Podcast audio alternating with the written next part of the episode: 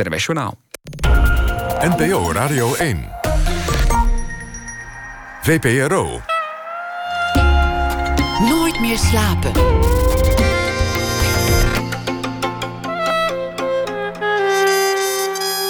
Met Pieter van der Wielen. Goedenacht en welkom bij Nooit meer slapen. Een bos waar je de vliegtuigen ziet landen of een overdekte rivier waar je in kunt vissen. Jeroen van der Spek die verzamelt de gekste plekken van Nederland. U hoort ze na één uur. Komt ook Jeroen van Bergijk op bezoek. Hij is schrijver en na zijn echtscheiding volgde hij het pad dat velen voor hem uh, afliepen. Hij, deed op de fiets naar Santiago de Compostela en het werd een boek Liefde, Lijden, Lossen. Hij is er ook na ene en Moenier Samuel vat de voorbije dag samen met een verhaal. We beginnen komend uur met Jan Rot. U bent mijn moeder, heet de voorstelling. Te zien deze zomer op de parade. Een voorstelling waar Joop Admiraal ooit in 1982 hoge ogen mee uh, scoorde. Gaat over een demente moeder en een zoon. Jan Rot geeft er een eigen draai aan. Er worden ook uh, liedjes aan toegevoegd. Jan Rot wordt komende kerst alweer 60 jaar oud. Heeft een lange en veelzijdige carrière. Begon als muzikant in allerlei bandjes. Werd later solozanger onder eigen naam. Ging van Engelstalig naar Nederlandstalig. Sinds de jaren 90 hertaalt hij allerlei muziek. Van de Beatles tot Bach. Van Schubert tot Queen. En daarna maakt hij, uh, daarnaast maakt hij ook theater. En heeft in zijn leven veel columns geschreven. Artikelen en ook een roman. Jan Rot, hartelijk welkom. Nou, nou. Over een, uh, over een demente moeder gaat uh, de voorstelling. Uh, we gaan het straks wel hebben over, over exact deze voorstelling. Maar het gaat eigenlijk over een levensfase die jij zelf niet hebt meegemaakt. Moeten nee. zorgen voor je moeder. Dat is ook eigenlijk. Zo kwamen ze erop. Um, ik had het liedje wat de Annie M. G. Schmid-prijs heeft gewonnen. Van geef me maar een uurtje met mijn eigen moeder. Als het zou kunnen. Ja, stel dat het zou kunnen. En nu krijg ik dus nou, niet een uurtje, maar een, een half uurtje. En het is ook niet mijn eigen moeder, het is de moeder van Joop Admiraal. Dat is eigenlijk het, uh, het hele idee. En uh, dat werkt heel goed met, met zijn tekst. En, en hij deed het vroeger natuurlijk in zijn eentje. Maar Edda Barens, een uh, oudere actrice, die speelt gewoon die moeder. En ik doe Joop zijn tekst. En soms ben ik Jan of Joop. Ja, dat, we, hebben dat, we hebben een paar specifieke zinnen hebben eruit gehaald dan hoef je daar niet tussen te schakelen. Dan, dat ik moet spelen dat ik bij de Nederlandse comedie heb gespeeld of zoiets. Ik, speel, ik doe hem ook helemaal niet na. Je, je, geeft er je eigen draai aan. Destijds was het echt een, een stuk dat furoren maakte. Hij, hij won er prijzen mee. Ja. En, en het, het, het, wordt nog steeds gezien als een legendarisch stuk in de theatergeschiedenis. Het ook, ja. En, uh, maar dat was ook wel heel erg van één man die dat speelt. En dan zowel zijn moeder als zichzelf. Maar die, die tekst droog, en dat kun je ook al zien in het boekje, is eigenlijk ook heel mooi. Omdat die steeds liefdevolle herhaling. Dus van God, wat een mooie besjes. Ja, dat is vuurdoorn. Die hadden wij ook in Buren. Weet je nog? Bij de, bij de achterste schuur. In Buren, ja. En daarvoor wonen in Ophemet. Oh ja, Ophemet. En dan even, even, even, later komt het weer. Wat een mooie besjes. Ja, dat is vuurdoorn. En gewoon zo'n zoon die dat steeds maar uh, uitlegt. En dat blijft uh, heel erg fascinerend ook. En het, uh, de regisseuse, Hanneke Braam... die vindt het vooral heel grappig. Die zegt, je, je, hebt zoveel geduld, je hebt zoveel liefde met deze moeder... Ik zeg, ja, maar ik ken dit ook niet. Dus uh, ik, ik zit hier niet al, ik kom niet al drie jaar op bezoek en hoor steeds dezelfde verhalen. Ik zit er eigenlijk wel met, met, uh, met plezier naar te luisteren. Ook al herhaalt ze steeds hetzelfde verhaal. Waar is mijn vest? Waarom heb ik mijn jas niet aan? Uh, omdat we buiten zijn. Oh, zijn we buiten? Wie ja. ben jij dan? Ze, ze is duidelijk vergeetachtig. En die zoon zorgt met, met liefde. Dat, dat, liedje dat begon met de vraag in, ik geloof in een, in een, in een radiorubriek zoals dit, of in een interview of ja. zo'n soort context. Wie zou u nog wel eens willen ontmoeten? Met wie zou u willen. Wie, wie zit aan jouw laatste avondmaal? Dat was de vraag, geloof ik. Oh, nog, iets plechtiger. Aan het avondmaal. En uh, dan moest ik dus uh, elf namen noemen of zoiets. Tegen, uh, ja, ik hou niet zo van dat soort vragen. Dat zei ik dan ook. Dat vind ik niks aan. En maar dat je dan thuis komt en denkt... Uh, nou, misschien kun je daar wel iets grappigs van maken. En toen, uh, dat het zou kunnen, met wie wil je dineren? Wordt het Jezus, Albert Einstein of Martin Luther King? Nou, dat, is, dat zijn gewoon de drie grootste clichés. En dat je daarna denkt... Uh, wie zou je echt willen ontmoeten? Dus of wordt het Bach of Mahler? En dan daarna zoeken gewoon een rare zin. De jonge Pavarotti. Ik dat zo, zo maak je een liedje. En dan moet je ontzettend grijnzen. Dat de jonge Pavarotti. Hoe, kom, hoe komt dat in een lied? Maar toch mooi.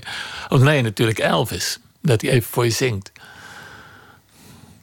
En dan heb je zo dat eerste couplet. En eh, hoe ga je dan verder met die maaltijd? Nee, dat weet ik ook niet. Dus ik uh, stel dat het zou kunnen. Ja, ik kan iets voorkomen.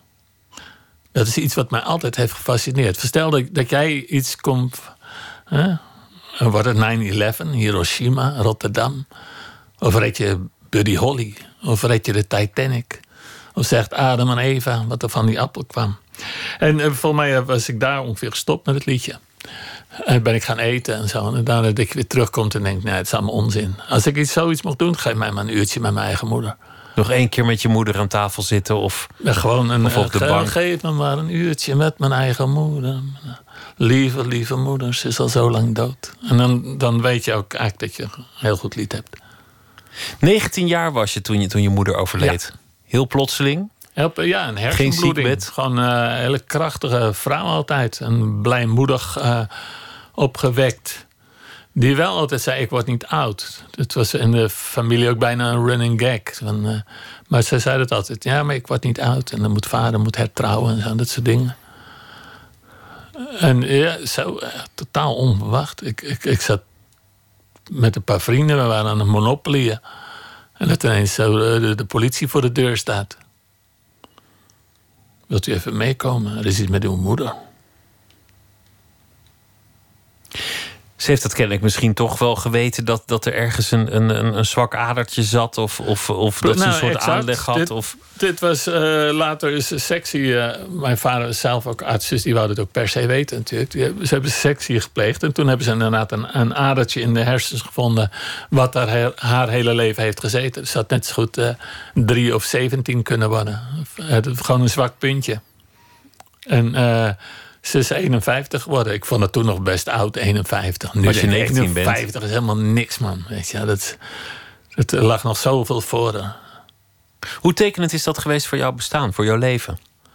Uh, op dat moment. Mm, dus voor de eerste keer dat je echt, echt verdriet meemaakt. En dat er iemand echt doodgaat. Kan je een opa, een, een grootvader, een oma. Dat is toch nog wat anders dan je, dan je moeder. En dat. Uh, ja, je, je, bent meteen sadder en wiser. Dat, uh, en uh, ze is wel altijd. Misschien juist omdat ze dan wegvalt van, van groter invloed dan, dan zo'n moeder. Dat je steeds denkt: oh ja, ik moet ook echt wel weer eens naar, naar een ouderlijk huis toe en zo. Of zijn moeder die langzaam aftakelt en, en, en dementeert. En die je dan ja. eigenlijk in fases. Nou, ik, ik ben op een gegeven moment nog niet. Eh, een jaar of tien geleden ben ik naar haar twee zussen gegaan op, op, op haar sterfdag. En van, uh, die waren toen in de tachtig allebei. En dat je aan, aan tafel zat met tante Katie en tante Beb. Dat je denkt, zo, ja, hier had zij dus bijgehoord. En tante Katie was al duidelijk minder dus die, steeds ook inderdaad zinnen ging Nou, dat je nou toch helemaal hier bent gekomen. En tante Beb was dan nog heel helder. En, maar dacht, ja, dit heb ik wel gemist. Ik, uh, dat je je moeder zo ziet. Of dat mijn moeder, mijn kinderen, mijn vrouw. Ja. Maar het besef, besef hoe belangrijk uh, je moeder is... wordt iets groter als ze al zo vroeg wegvalt. Heeft het ook bij jou zelf een, een besef van sterfelijkheid uh, opgeroepen? Dat je moeder zo jong zomaar is weggegaan. Had jij daarna hetzelfde als je moeder dat je dacht... Uh, misschien, misschien word ik wel helemaal niet zo oud? Ja... Nee, het zit op, op, de, op, de, eh, op, op mijn platen zijn er wel allerlei uh, verwijzingen of zo. Van nog, nog 40 jaar, dan is het weer klaar en zo. Ja, of, of, of dat je op je eigen grafsteen zou zeggen: hier rot Jan. Ja, ik vond de, de, dood nooit zo uh, heel afschrikwekkend. Ik vind het eigenlijk sinds, sinds ik gewoon vader ben van vier kinderen met een vrouw. Dat ik denk van, dan mag mij nu niks, niks overkomen. En dat roep ik ook uit. Als de, als de jongste, als die twintig is of zo, dan, nou, dan uh, geloof ik het verder wel. Uh, voor die tijd mag het niet, nee. Vroeger dacht je daar anders over. Kon het je eigenlijk niet zoveel schelen. Nou, uh, ik, ik had ook bij, bij 40. Als, als ik naar die platen uit, uit de jaren 90 kijk, dan zing ik ook van het, het ergste moet nog komen, het leukste is al geweest. Zo, dat, ik had wel eventjes, uh, zo voor me, rond mijn 40ste, idee van dit gaat helemaal niet goed met mijn leven. Zo. En dat uh, vind ik ook wel leuk, dat het een hele andere wending heeft genomen, waardoor je denkt van nou, het, echt, het leven begon voor mij eigenlijk bij 40 jaar. Heel veel liedjes gingen ook altijd over de zoektocht naar liefde. Over ja. eenzaamheid en, en, en hopen dat je iemand tegen zou komen. Uh, ja, die op zoek naar die ware. Ja. Dus dat is uh, zelfs nog uh, de laatste plaat voor Daan, mijn vrouw. Ze van, ooit komt er één voor mij. Ooit komt er één voor mij. Zo, dat, dat weet ik nou echt. Dat was echt... misschien ook wel mijn ouders waren heel gelukkig. Die hadden een heel mooi huwelijk. Die waren echt dol op elkaar. En dat je altijd dacht van zoiets wil ik ook. En het, het heeft voor mij heel lang geduurd voordat ik iemand vond waarbij je denkt, oh, hierna wil ik nooit meer een ander. En die heb ik eigenlijk pas met, met, uh, met Daan gevonden. Ik denk, oh, ik, dat had ik al na de tweede nacht. Ik dacht, ik, ik hoop dat ik nooit meer met iemand anders in bed lig. Behalve met haar. Je wist het toen echt zeker? Dat, ja, dat was oh, het moment. Ik wist het meteen. Uh, terwijl, uh, voor, voordat wij, of bij de eerste afspraak voordat zij bleef slapen, zeg maar. Toen, zei ik nog met mijn uh, grote verleiderstem van... Ik, ik, ik, ben niet ineens je grote liefde, hè. Weet je, een soort waarschuwing toch van... Uh, je bent bepaald niet de eerste, laat ik het zo zeggen. En s'morgens uh, zwaaide ik eruit. Toen heb ik mijn vader gebeld en gezegd van... ik heb je laatste schoondochter ontmoet. Ik zei, oh, wat leuk. Nou, hoe lang kennen jullie elkaar al? Ik zei, ja, eigenlijk één nacht. Ja, nee, dat was, maar dat, dat was uh, het moment voor mij dat ik denk: oké, dit, dit, is, dit is mijn vrouw. Ik ben haar man. En toen is ook alles wat daarvoor speelde verviel. Want, want er was een tijd dat je dacht dat je op jongens viel. Ja, ik was eerst eigenlijk altijd van de meisjes. Dat is. Uh, op een gegeven moment gaat het in, in het publieke hoofd zit het zo van hij was homo en toen had hij in één keer een vrouw en nu heeft hij vier kinderen. Hoe kan dat nou? Maar zo, oh, zo nee, zo, zo is het nooit in mijn hoofd gaan zitten. In mijn hoofd is het dat je, dat je gewoon een beetje slingerde langs de, ja, de ik was eigenlijk rivier. van de meisjes en zo met 24 kreeg ik, uh, werd ik eigenlijk met, met een met een, met een kroegmaat in bed beland. En ik zo, dat is ook heel erg leuk. En uh, dat, ook, dat werd, werd iets heftiger. Niet met hem, maar da daarna ook weer. Ik denk, oh, oké, ik ben toch wel echt meer biseksueel dan ik altijd al dacht. En wat, wat valt er allemaal te gebeuren? En ik werd toen ook heel gefascineerd door de homo-wereld. En om daarin rond te lopen. En ik kreeg ook wel het gevoel dat ik daar een, ook nog aan die emancipatiestrijd kon bijdragen. En zo. Wel, al mijn, al mijn jongensverkeringen gingen eigenlijk altijd uit dat ze zeiden, ja, maar je, je bent gewoon helemaal geen homo. Weet je wel. Ja, nou. En dat was niet eens zo'n uh, seksueel probleem, maar meer uh, in je hoofd. Ja, maar dat... Ze voelden wel dat, dat ze niet echte waren, waren of dat, dat, dat er andere dingen misschien wel speelden. Ja, of, of, of letterlijk wat één zei. Ja, maar je, je, bent gewoon een vrouwenman. Ja, eigenlijk ben jij de vijand. Het was toch nog wel in de jaren tachtig nog iets, iets sterker allemaal. maar het, als je ik, ik had toen al eigenlijk altijd van uh, je partner bepaalt je geaardheid. Dat, uh, en uh, ik, ik, ik vond het met, met, met jongens, en dat, dat is niet, geen schooljongens of zo. Gewoon ik, zo tussen de 20 en de 25, daar kon ik het echt gewoon ontzettend goed mee vinden. Met, met volwassen mannen heb ik nooit iets gehad. En met kinderen ook niet. Dus, maar dat vond ik, uh, ja, grote broer. En dat vond ik fantastisch. Op een gegeven moment hield dat op, zo tegen mijn veertigste. Dat ik denk van ja, ik vind het een beetje vies worden allemaal. Het on, onnatuurlijk ook. En is niet zozeer dat ik te oud werd voor de jongens, maar meer dat de jongens te jong werden voor mij. Ik, ik verloor mijn interesse. Ik heb daar ook. Toen dacht ik, wat, doe ik hier eigenlijk? Het ik heb ook, ik, in die tijd heb ik ook uh, met een camrecorder heb ik een soort verslagje gemaakt. Ik was ook de eerste keer dat ik klassiek ging vertalen. En de dichterliefde van Schumann. En dat gebruikte, dat wist ik ook niet precies, maar dat, dat, dat, dat werd ineens het soort afscheid van de jongens. En toen ben ik ook stukjes gaan filmen. Dat ik ergens op de roze kermis, dan zit ik, dat, ik heb er nooit meer teruggekeken, maar dat moet er erg zijn. Dat, dat, dat, wat, wat doe ik hier? Weet je wel? Ik ben geen homo en alle pogingen er een te worden zijn mislukt. geweldige zin. je, was het, het, nachtleven misschien stiekem ook al zat? Zeker, ja. Ja, want dat vond ik. Uh, en ik heb, ik heb al die tijd gewoon ook heel erg hard gewerkt. Altijd. Ik, ik bedoel, ik ging vooral uit. Ik werkte tot een uur of twee aan, aan liedjes schrijven en zo. En daarna ging ik nog even twee uur naar de kroeg. Dat ging makkelijk. Dat kan makkelijk als je vrijgezel bent. En dat is ook leuk. En een paar borreltjes. En dan fiets je weer naar huis. Maar dat. dat uh, wat ik denk, ja, nu, nu is dat ook wel klaar of zo. Dat, ik heb dit, dit, dit is. Op een gegeven moment ga je herhalen. En het had ook niks, niks leuks meer eigenlijk. Had je ooit een wens om, om kinderen te krijgen voordat ja, je maar die was al veel ouder. Als, ik, heb, ik heb wel eens. ik zit nu ook eigenlijk in oude interviews te bladeren omdat ik na de zomer een show ga maken over de jaren tachtig. En ik ben nu aan het kijken van wie was ik en wat, wat deed ik. En dan, dan kom je dat regelmatig tegen. Ja, na mijn veertigste ga ik, uh, trouwen en kinderen, ga ik trouwen en kinderen krijgen. Oh, is dat zo? Want, want, ik, ik las jouw stukken trouw in de jaren negentig. En toen schreef je wel eens van... ik vind kinderen eigenlijk maar, maar jengelende, vervelende, luidruchtige... Ik heb ook, dat, dat heb je ook nog wel eens opgeschreven.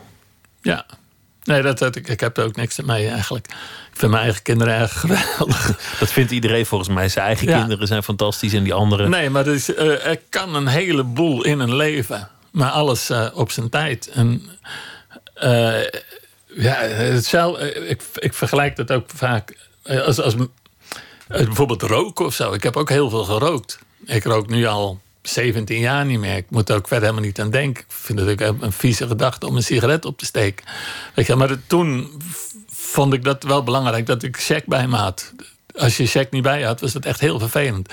Maar dat zijn dingen die voorbij gaan. Of ik heb een seizoenkaart bij Ajax gehad. Ik heb, sloeg geen wedstrijd over. Als ik ineens moest optreden, een matinee... en dan Ajax niet kon zien tegen, van mijn part, Willem II of zo... dat ik echt baald. Nee, dat, ik, ik weet nu... Uh, van, de, van het Ajax, huidige Ajax-elftal weet ik misschien twee of drie spelers op te noemen. Het gaat voorbij en het geeft eigenlijk alleen maar rust als het voorbij gaat. Ja, maar het dat is, ook zo'n soort keuze. Dat je ineens denkt van met voetbal... Man, wat kost mij dit een tijd elke keer? En die, al die Europa Cup wedstrijden. Met die Champions League ook. En met pools in plaats van gewoon twee uh, uit- en thuiswedstrijd. Ik, ik, heb, ik heb het er niet meer voor over. Ik, ik en ze verhuisden toen van de meer naar, eh, naar de arena. En ik dacht, oh, dit is een mooi moment, klaar. En dan eigenlijk verlies ik al mijn interesse. En dat heb ik met. Uh, op een gegeven moment. Ja, heb ik het gehad. De dood van je moeder viel, viel samen min of meer met, met de dood van Elvis Presley. Dezelfde nacht eigenlijk, ja. Uh, mijn moeder is om half elf uh, gestorven op de 15e en, en Elvis om uh, drie uur s'nachts op de 16e. Dus ze hebben een andere datum, maar het was binnen vijf uur. Ja. Twee mensen die zo belangrijk zijn geweest in je leven. Want je, je hebt je, je oudste dochter Elvis genoemd, ja. om, er, om er aan te geven hoe, hoe, hoe, hoe, dierbaar Elvis was voor jou, Elvis Presley. En ook wel een klein beetje. mijn moeder had een mooie naam, Jooske. Maar ik, ik had niet iets dat ik mijn oudste dochter dan Jooske ga noemen... naar een moeder van, eh, die met de 51 is overleden. Maar omdat ze in dezelfde nacht als Elvis... heeft het ook alweer een, uh, een soort band. Dat is deze zomer uh, 40 jaar geleden. Ja. Wat gaat dat snel. Zullen we luisteren naar Elvis Presley? Helemaal van, een van de oudjes, Mystery Train.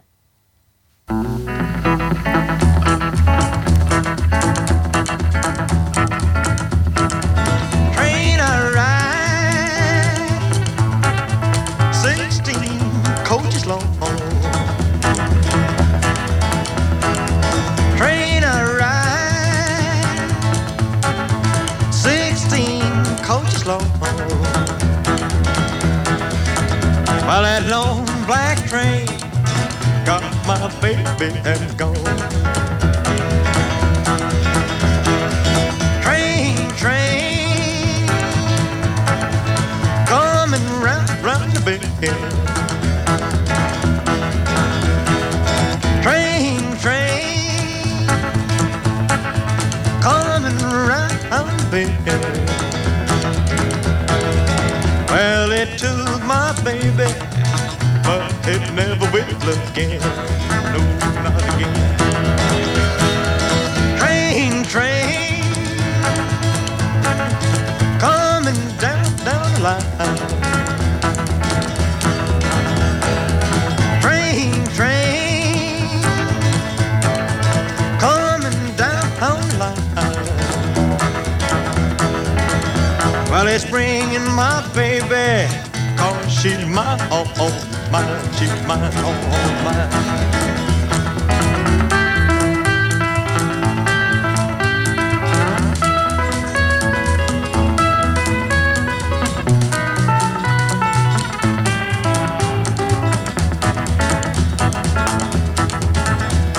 Train, train,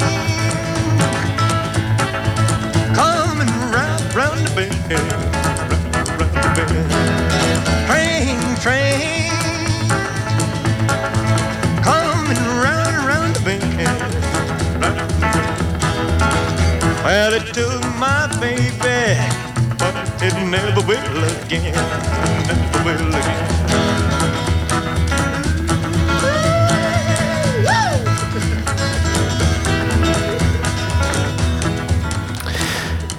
Elvis Presley, Mystery Train. Jan Rot zit tegenover mij. En eh, Jan Rot eh, was altijd een groot bewonderaar van Elvis Presley. En zijn moeder overleed eh, bijna 40 jaar geleden. In, in dezelfde nacht als, als The King. Zijn dochter zou die daarom Elvis noemen. Je bent geboren als tropenkindje in Indonesië. Je vader was arts. Ja. Makassar, Celebes werd je, werd je geboren. Makassar, ja. Daar ben je ook eh, opgegroeid voor, voor Nee, deel? nou eerst niet, want het was in. eh, ik ben in december 57 en tien dagen. Bij het, eh, dus dat is kerstnacht.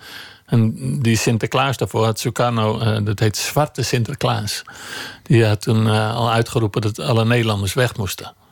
En mijn vader was dan zendingsarts. Het hoorde bij de laatste categorie die weg moesten. Maar alle Nederlanders moesten weg. En wij zijn dus in mei zijn we met een boot met de Willem Ruis. Dat was de laatste tocht van de Willem Ruis. eh, naar Nederland gegaan. En mijn vader is hier toen eh, gaan werken in Arnhem en Soest. En hij steeds maar wachten tot hij weer, weer terug kon. Dat heeft eh, jaren geduurd. In 64 of zo mochten wij pas weer terug.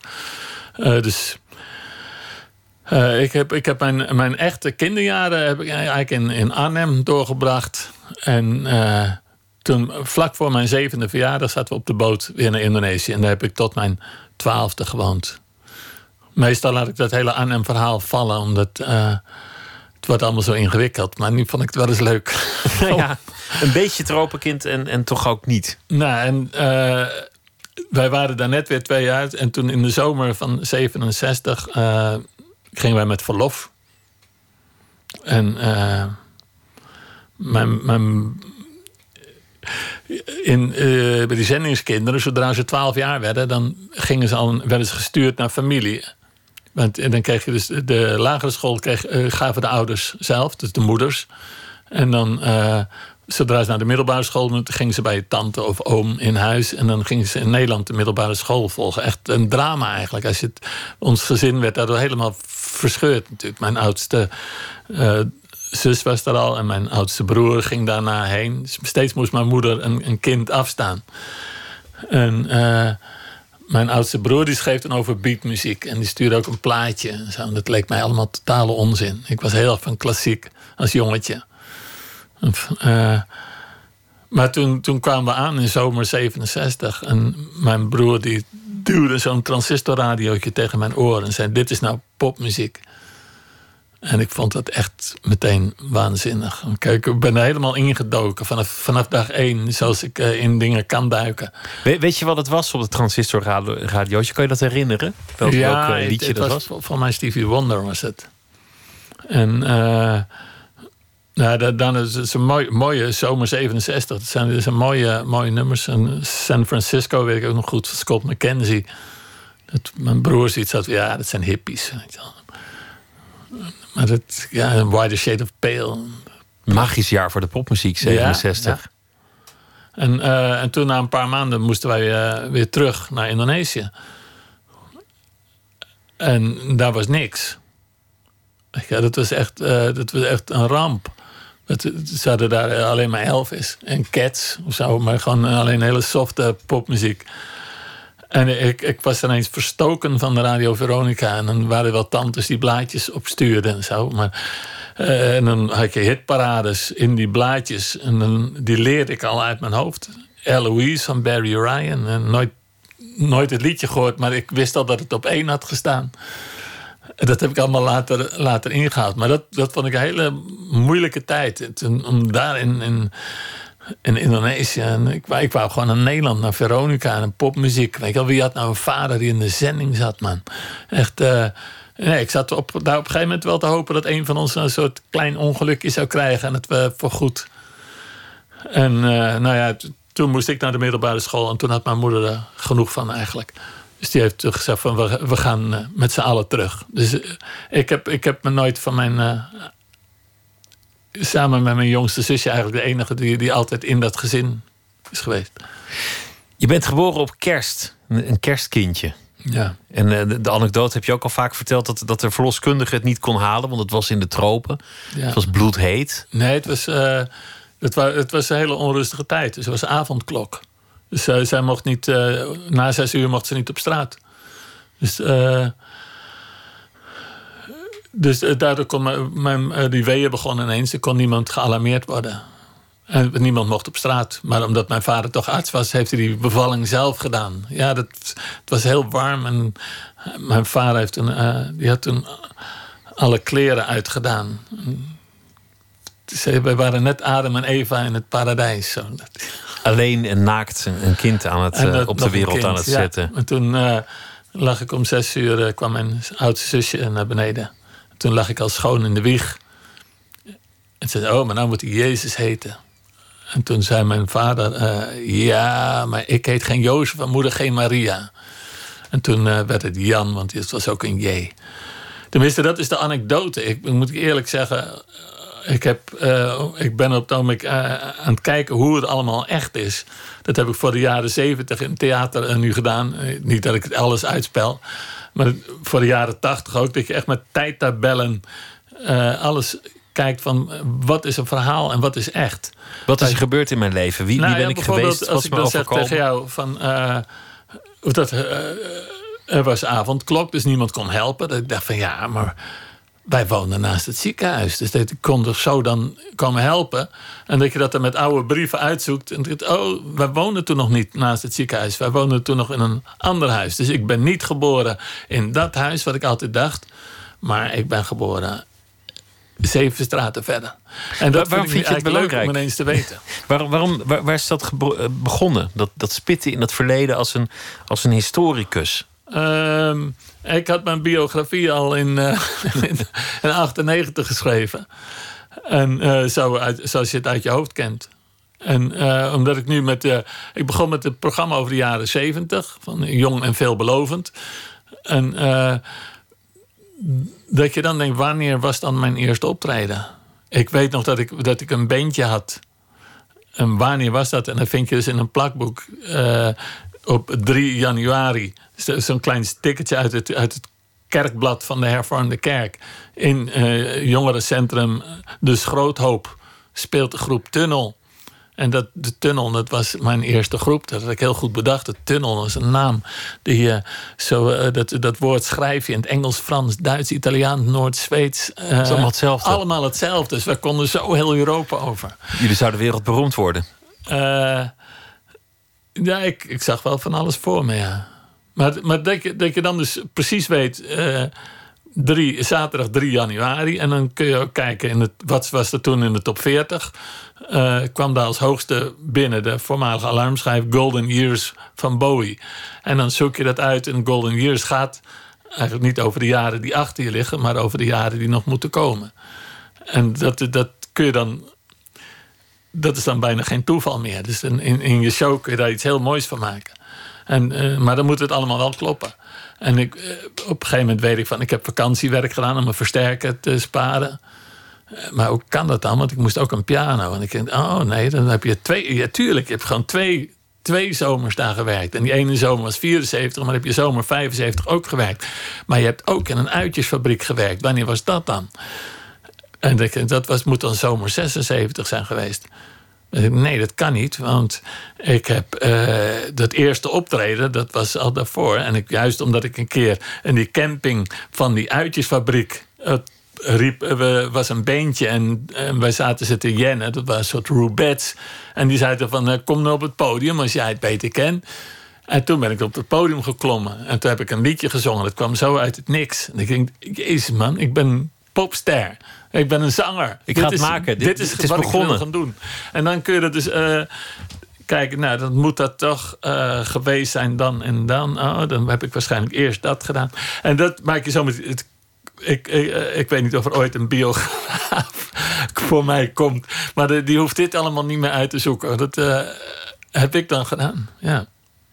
Je gaat het nu ook doen met de jaren tachtig. Met een, een, show waarin je terugkijkt. Op, ook, ook met liedjes en met, met, met hertalingen uh, van, van de hits. Veelbelovend in de jaren zeventig. Miskend in de jaren tachtig. Was dat aan de hand? Nou, ik, nee, want ik, ja, ik, ik kreeg uh, ineens wel gewoon een hitje. Dat was heel leuk. Het waren, kleine hitjes. Drie, drie hitjes van Counting Sheep. Van aha, aha, aha, aha, aha. Bobby, Roger en Eileen. En, uh, maar ik brak niet heel erg door. En dat het, het, stond steeds te gebeuren. Dat, dat was volgens mij wat er aan de hand was in, jou, in jouw loopbaan. Dat het steeds op het punt stond te gebeuren, maar, maar net niet. En dat, uh, dat zijn ook wel de leuke verhalen. Dat ik bijvoorbeeld rare liedjes in het Nederlands schreef. En steeds dacht van, ik, ik moet dit niet zelf zingen. Teenage meisje, hoor eens even. Een nozem jongen, ik wil mijn meisje terug. En toen ik, uh, had ik een, uh, moest ik een programma bij de PSP. En er zat, voor mij zat een dikke jongen achter de piano. En die had een liedje van uh, Vlieg me naar de regenboog, rainbow. Ik denk, deze stem, dit is helemaal, dit, deze moet ik hebben. Dus dat, nou ja, stelde, ik eh, vroeg hoe die heette. Ik had Paul. Paul was beginnend cabaretier en Paul de Leeuw. Dus we, zijn toen ook teruggereden naar Amsterdam. En ik zei, ja, ik heb een soort rare liedjes... en dat zou ik heel graag met jouw stem willen horen. En toen hebben we ook een studio, hebben demootjes uh, opgenomen. En... Dat werd ook wat serieuzer. Ondertussen werd hij wel steeds bekender. Uh, maar goed, met, die liedjes op een gegeven moment... ik ben naar de platenmaatschappij. En toen zei de directeur van Fonogram was dat... Zei, ja, Paul de Leeuw, die heb ik gezien bij Sterrenslag... met meneer Van Heumen, bent, uh, bent u er klaar voor? Nou, die komt zichzelf nog wel tegen. En die liedjes vind ik eigenlijk ook niet leuk. En die stem ook niet.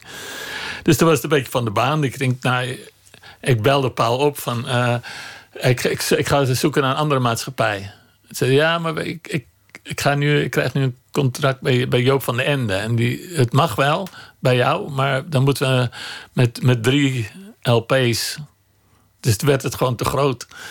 Nou ja, dat, ik heb dus nog steeds een, het eerste demootje van Paul de Leeuw... waarin hij een liedje van mij zingt. Weer, weer iets dat, dat, dat en weer zoiets, bijna gebeurde. Ja. Bijna, dat, dat, is, dat is een hele lange, lange rij inmiddels van, van, van bijna eclatante successen en, en dingen net. Maar heeft dat je ooit gefrustreerd? Heeft dat je dwars gezeten? Als je, als je zo vol energie zit, zo vol oh, het heeft, storm heeft en zeker heel vaak dwars gezeten. Maar terugkijkend is het niet zo erg. Weet je, want als er nu maakt het niet meer uit. Als er één ding uh, funest is uh, voor creativiteit, is het succes.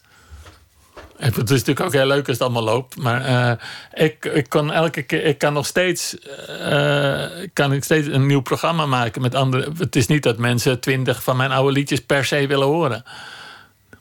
Die zijn er helemaal niet. Als je twintig grote hits had gehad, dan zat je daar altijd aan vast. Anders gingen ze teleurgesteld naar huis. Ja. Hij speelde niet eens die hits. Nou ja, ik, krijg genoeg collega's uh, van uh, Hans de Boy. Dan denkt iedereen Annabel. En wat hij dan daarna heeft gedaan. Of Armand. Die heeft geloof ik al twintig platen gemaakt. Ik maar iedereen met ben ik te min. Dat is het. Ik heb daar verder geen last van. En dat uh, in die tijden als dingen niet doorgaan. dat, is, dat doet echt vreselijk pijn. Maar daar heb ik nu, nu geen last meer van. Want ik, ik, heb, ik, ik ben inmiddels met mijn 22e album bezig. Onder eigen naam. En dan heb ik nog tien met andere mensen gemaakt. 32. Dus ik denk dat er bijna niemand in Nederland die, die zoveel albums heeft gemaakt. En die zijn ik vind ze allemaal, allemaal mooi. Maar het klinkt alsof je een periode in je leven heel ongelukkig bent geweest. En, en dat, je, dat je nu juist, juist in, een, in een zeer gelukkige eh, periode terecht bent gekomen. Ja, ik vind eigenlijk op het moment dat je iemand vindt waarbij je denkt, nou, hier wil ik de rest van mijn leven bij blijven. En dan krijg je ook mooie kindjes mee. En, en je hebt ook genoeg erkenning. Dit is er ook. Ja, dan mag je ook, hij kan niet meer mopperen. Weet je, dat, eh, het maakt ook verder niet meer, niet meer zoveel uit. Op, op mijn tekstboek, laatst las iemand dat voor. Allemaal citaten. Dat heb, ik heb die citaten er zelf achterop gezet, gekozen uit, uit verschillende uh, recensies door de jaren heen. En vooral als vertalen dan. denk je, nou, het is echt, het ligt er niet om. Van uh, vertaling is uh, beter dan origineel. Of, nou ja. Wat de Volkskrant uh, laatst schreef: tien teksten lezen van Jan Rot en je bent uh, voor maanden gelukkig. Dat zijn toch dingen die ook over mij zijn geschreven. En ook in de jaren tachtig schreef Oor van uh, Nederlands zo niet beste, dan toch wel meest veelzijdige songschrijver. Dus dat die plaat niks heeft verkocht. Maar ondertussen stond het daar wel gewoon in. in dus je hebt, je hebt, wel erkenning, het is niet onopgemerkt ja, gebleven. Ik heb, ik heb nooit. Ik ben nooit publiek, door publiek heel erg omarmd. Pas uh, eigenlijk die. Uh, de Matthäus Passie in 2006, dat stond gewoon op één. Dat was iets wat. Uh, ik, nou, nu staat op één met je, met je residentieorkest en je hele plan Bach. Heb jij op één gebracht in jouw hertaling. En daar heb je een gouden plaat van aan de muur. Dat, dat gaf wel een soort voldoening. En vorig jaar die Annie M. G. Schmid-prijs. Ik denk, je hebt gewoon de Annie M. G. Schmid-prijs gehad. Wat, wat, hoeveel erkenning wil je krijgen? Dat hertalen is, dat, dat begon zo ergens in de jaren negentig. Dat, dat, dat, dat is groter en groter geworden. Ja. De uren die jij moet besteden aan, aan liedjes of, of klassieke liederen... om, om die helemaal naar het Nederlands te, te herzetten... Dat, dat moet onvoorstelbaar zijn. Ja, maar ik ben ook, ook eigenlijk wel altijd aan het werk. Altijd? Eigenlijk altijd, ja. Dat vind ik gewoon het leuk. Zelfs nu als ik dan bijvoorbeeld... Uh, we hadden net uh, zo'n paar dagen getoerd met uh, vakantiealbum. En dan kom je thuis en denk hé, ik heb één dag... ik hoef voor niemand wat te doen. Dan ga ik eigenlijk achter het bureau zitten en denk... hé, nu kan, nou kan ik eindelijk eens iets vertalen. We gaan luisteren naar een, een vertaling van My Way... Bekend uh, door, door Elvis en Frank Sinatra en uh, vele anderen. In jouw versie Ik Was.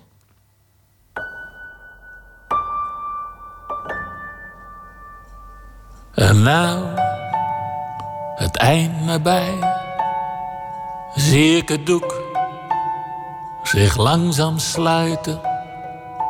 Mijn vriend, geen punt voor mij.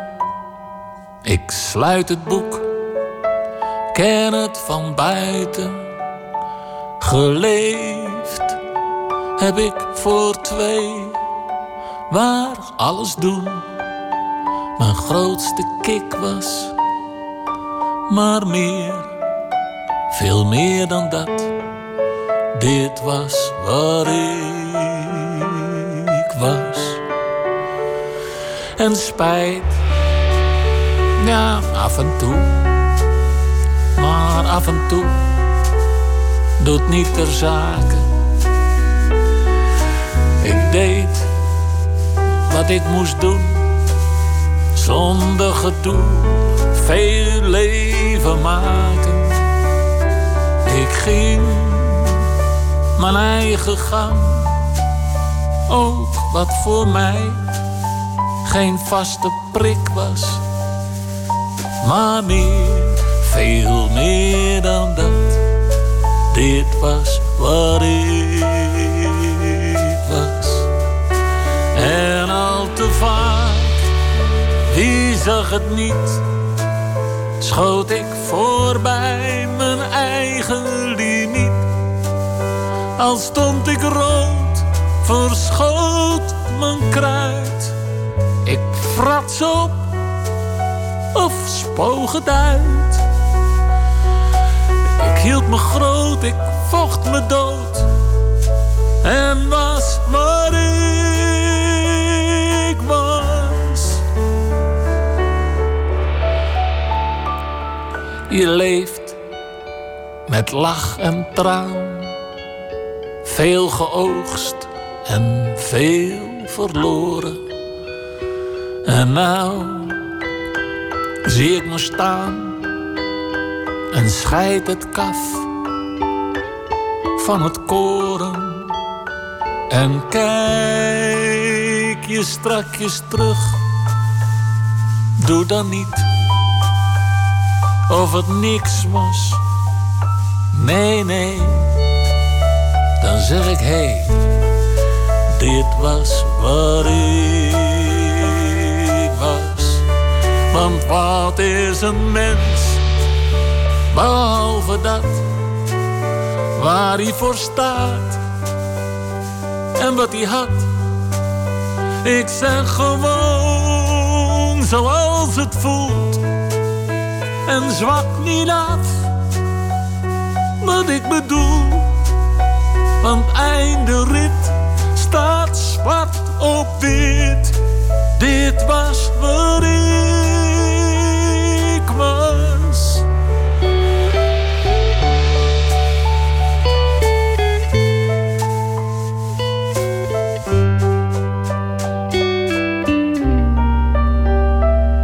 Meer, veel meer dan dat. Dit was wat ik was. Ik was in de hertaling van Jan Rot, die tegenover mij zit. Was ooit een uh, Frans liedje, Comme d'habitude. Een uh, heel andere strekking. De bekende versie was dus eigenlijk al een, uh, een vertaling gedaan door Frank Sinatra en Paul Enka. Sid ja. Vicious natuurlijk niet te vergeten. Elvis Presley. Herman Brood. Herman Brood. Ja, nee, dit is zo, zo eentje die, je, die je moet maken. En uh, het is ook wel eng is om, om te maken en op te nemen. Ik zeg straks ben je ineens, uh, neem je dat op en op de weg terug uh, ben je dood. Maar ja, beter mee verlegen dan onverlegen, nietwaar? en ik, ik, ik heb hem op de, op de laatste cd, daar, daar staat hij. Ik denk, nou, dat mooi, dat heb ik, die hoef ik niet meer te doen. Dus dan kun je weer kijken welke afscheidsnummers je nog meer moet, uh, moet maken. Of andere liedjes, niet alleen Of maar andere- afscheidsnummers ja, maken. Dan, heel, dan heel langzaamaan begin ik wel een soort. eh, eh, ik, ik ga door de bomen eh, langzaamaan, het, of door het bos langzaam nog een paar bomen zien. En op, op een gegeven moment denk ik: oké, nu heb ik de belangrijkste liedjes vertaald. Nou, je, bent- je bent aan Schubert begonnen, je bent aan, aan Schumann Ja, maar begonnen. Schubert aan bijvoorbeeld, Bach. ik, ik heb geen enkele ambitie om, eh, om al die 600 liedjes van Schubert te doen. Ik heb, zijn beste 40 gedaan. En dan, eh, dan weet ik het. En bij Randy Newman heb ik een CD gemaakt met zijn 15 beste nummers. En dan kun je er nog wel 15 vinden die ook heel leuk zijn. Maar eh, dat, is dus, dat is eigenlijk allemaal klaar. En eh, ik heb nou met dat vakantiealbum, met, met Anne en Jan, hebben we gewoon rare zomerhits. Dan heb je gewoon een CD met, met tien van die dingen. Je zou het ook twintig kunnen doen, maar gewoon tien, dat is wel goed. En eh, met eh, de Borrequito, en dat, je dat, je dat hebt. En straks ga ik, ik ben nu bezig met nederpop aan het vertalen. En, ja, en jaren tachtig nummers. En, en er zijn een aantal die je denkt, die moet ik echt hebben. Nederpop, de, Engelstalige nederpop. Die je Engelstaal, dan, eh, ja. ja. Ik bedoel, ik hield zo erg van nederbeat vroeger. Met de Roadies en de Outsiders en Q65. Dat is eigenlijk wel jaren 60. Ik ben meer van jaren 70 natuurlijk. Maar, maar dat ik dat heel mooi vond. Of de Golden Earring. En eh dat ik denk, wat, wat wordt dat in het Nederlands? Venus, Shocking Blue. Zo, dat, ook Wat is uiteindelijk die drang om, om alles, alles te vertalen? Eh, ik denk eh, om, om de liedjes van mij, eh, van mezelf te maken. Liedjes waar ik heel veel van hou. En eh, waar je eh, als consument. Meer kan je er niet mee doen. Ik, ik, ben helemaal niet, ik hou helemaal niet van coveren. Dus ik vind, er niks aan om ze in, het, in de echte taal te zingen. En eh, ten tweede, dat ik luister eigenlijk nooit naar teksten. Wel als ze in het Nederlands zijn. Dan wil ik het allemaal precies kunnen verstaan. Maar in het Engels, ik heb geen idee waar die liedjes over gaan. En als ik ze dan ineens ga vertalen... Ik, ik word daar heel, heel blij van. Als je, als je dat ook in goed Nederlands terugkrijgt en kunt, kunt brengen. Dat vind ik echt een bijdrage aan zowel de Nederlandse taal als aan, de hele wereldmuziek. En, en zo'n eh, My Way is natuurlijk, dat, dat krijg je in het Engels ook wel mee. Maar hier staan toch, toch zinnen die dieper raken zo. En je, gaat dan meteen naar, naar de, de, de allergrootste prestaties uit de menselijke muziekgeschiedenis. Dus, dus de, de, de Matthäus-passie of My Way vind ik daar eigenlijk ook wel onder, onder vallen. Of de Beatles, dat, moet je daar toch ook wel onder scharen. Ja, maar er zit wel een logica in. De, de, de, de ladder, er zijn een paar dingen die heel moeilijk zijn. En eh, die heb ik ook wel eh, op het juiste moment gedaan. Uh, bijvoorbeeld Randy Newman, daar kun je niet mee beginnen. Dat, dat wordt niks. Maar nu, nu was dat niet, kon ik dat doen. Bohemian Rhapsody, hoe krijg je het voor elkaar? Ja. Dat, dat, dat, is niet te vertalen, lijkt me. Ja, dat is heel makkelijk. Wat, is dit de hemel? Is dit het paradijs? Of word ik wakker in de waan van de werkelijkheid?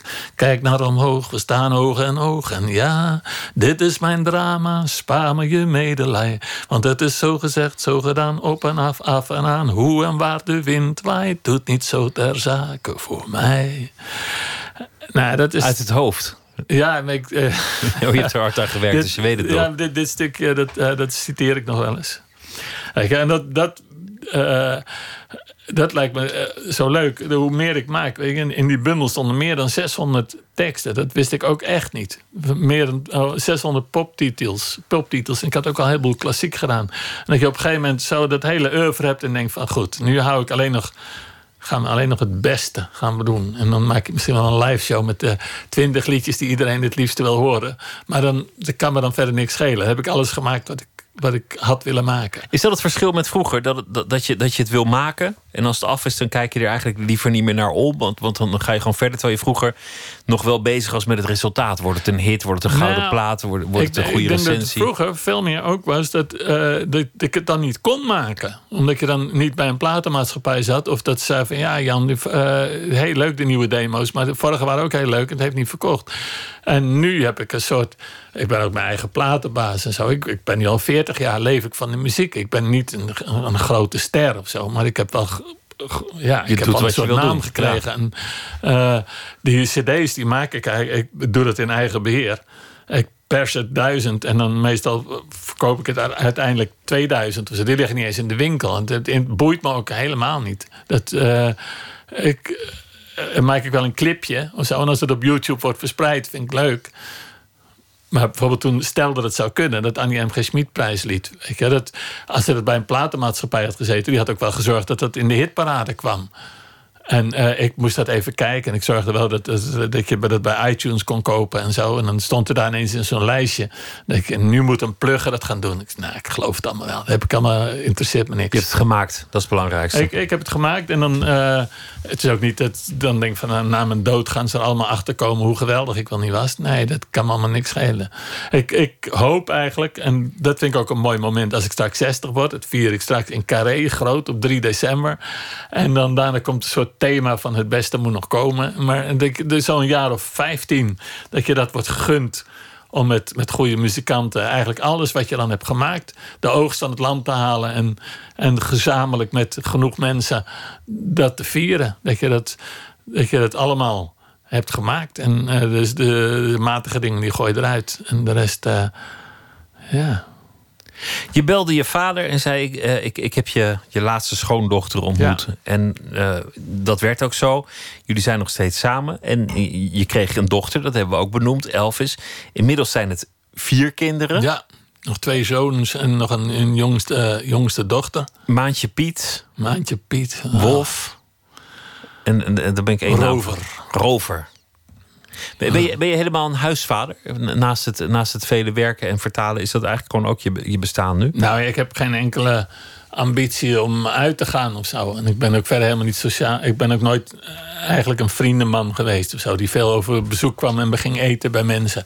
Ik ben eigenlijk altijd aan het werk. Dat, uh, maar ik, ik heb genoeg tijd over om met mijn kinderen te spelen of, of samen film te kijken. Omdat ik zit eigenlijk vooral thuis. Ik heb, ik heb geen andere hobby's. Of, uh, misschien komt dat op een gegeven moment wel weer. Dat je denkt van, oh, nu wil ik, uh, ga ik een maand door uh, Tibet reizen. Ik, voor mijn part in mijn eentje. Dat kan ook nog. Maar uh, dat heb ik nu allemaal niet. Nee, ik, ik vind het heel lekker. Ik zit, ik zit meestal gewoon achter mijn bureau. En met, zeker met vertalen geeft het helemaal niet als iemand binnenkomt en zegt dit of dat moet, doen, moet je doen. Want die inspiratie vliegt niet weg. Het, het echte kunstwerk was er al het origineel. Dus dat... Het is niet, het is niet uh, papa zit te werken allemaal stil nu. Koppen dicht, want, uh, want hij heeft inspiratie. Nee, zo werkt het ook helemaal niet. Nee, zo doen ze het niet. En, uh, nou, ik, ken, ik, ken mensen die, bij wie thuis die terreur wel heeft geheerst. Weet ik, ja. Nee, maar het is ook helemaal... Ik maak ook zoveel platen dat... Er wordt thuis niet echt van opgekeken of zo. Dan wordt het... Maar ja, jongens, ik heb een nieuwe plaat. We gaan nou even één keer, één keer luisteren. Oh ja.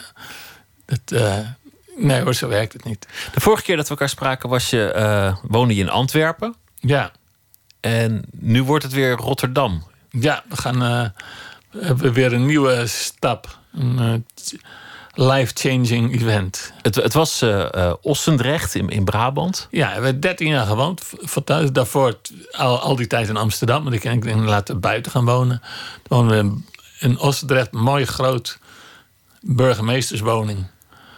En uh, toen uh, Elvis moest naar de middelbare school. En ik denk dat het een goed moment om nu weer eens naar de stad te gaan. En dat werd Antwerpen, heel logisch, vlakbij.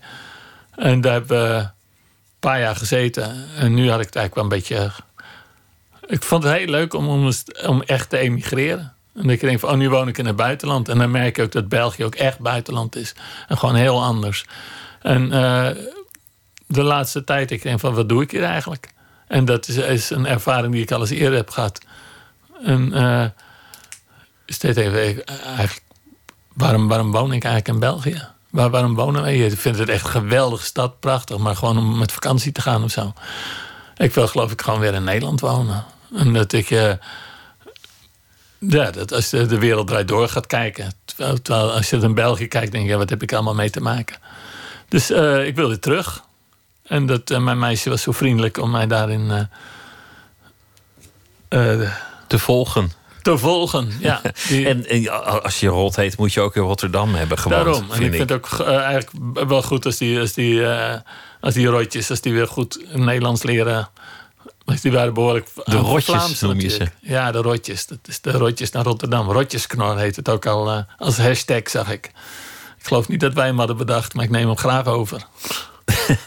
Je gaat uh, op de parade de, de, de voorstelling uh, spelen van uh, Admiraal over. ja, met Edda. U bent mijn moeder. En dan ga je in, de, in, de, in het najaar ga je toeren met de jaren tachtig voorstelling. Seks, drugs en rot en roll. En dan in december dan komt de 60ste verjaardag in, in, in Carré. Maar we moeten nog één lied draaien, omdat, omdat we ermee begonnen. En omdat we, dat we tijdens het gesprek er toch wel een keer of drie aan hebben gerefereerd. Stel dat het zou kunnen over je moeder en alle andere mensen die je nog eens zou ontmoeten. Hier is die.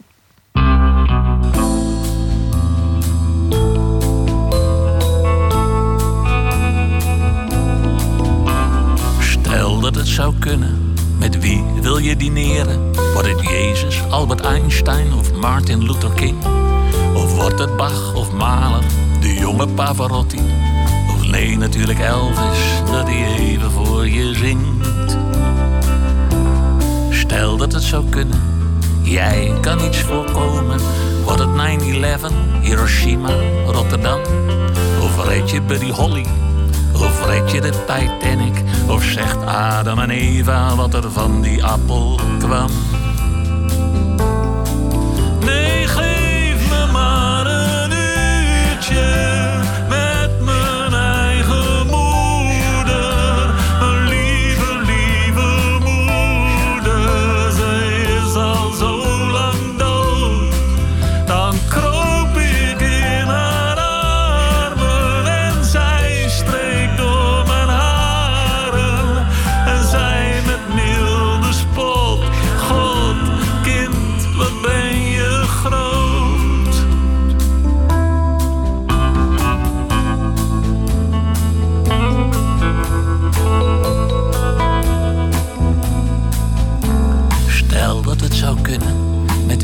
Zou je dan ruilen? Misschien zo'n nieuwe DJ, rijk, beroemd en teringjong.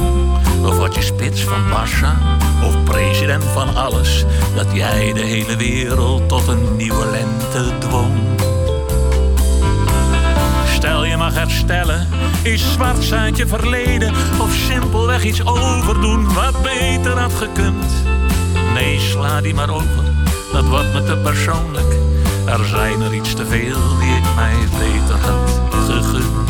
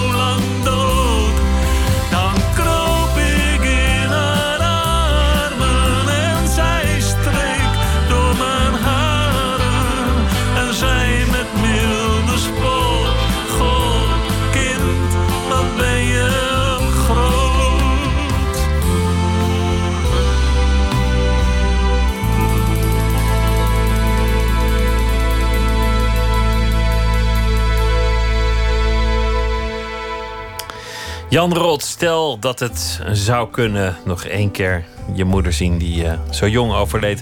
Jan Rot, dank je wel. Het was Oké. me- Het was me genoeg om je hier eh, te gast te hebben.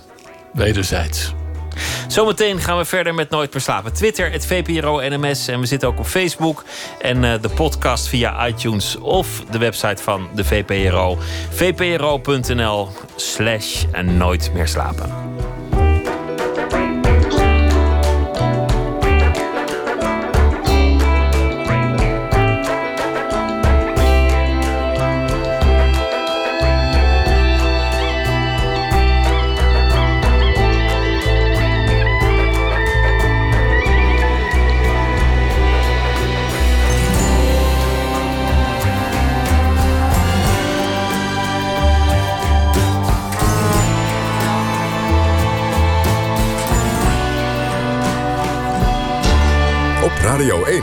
Het nieuws van alle kanten.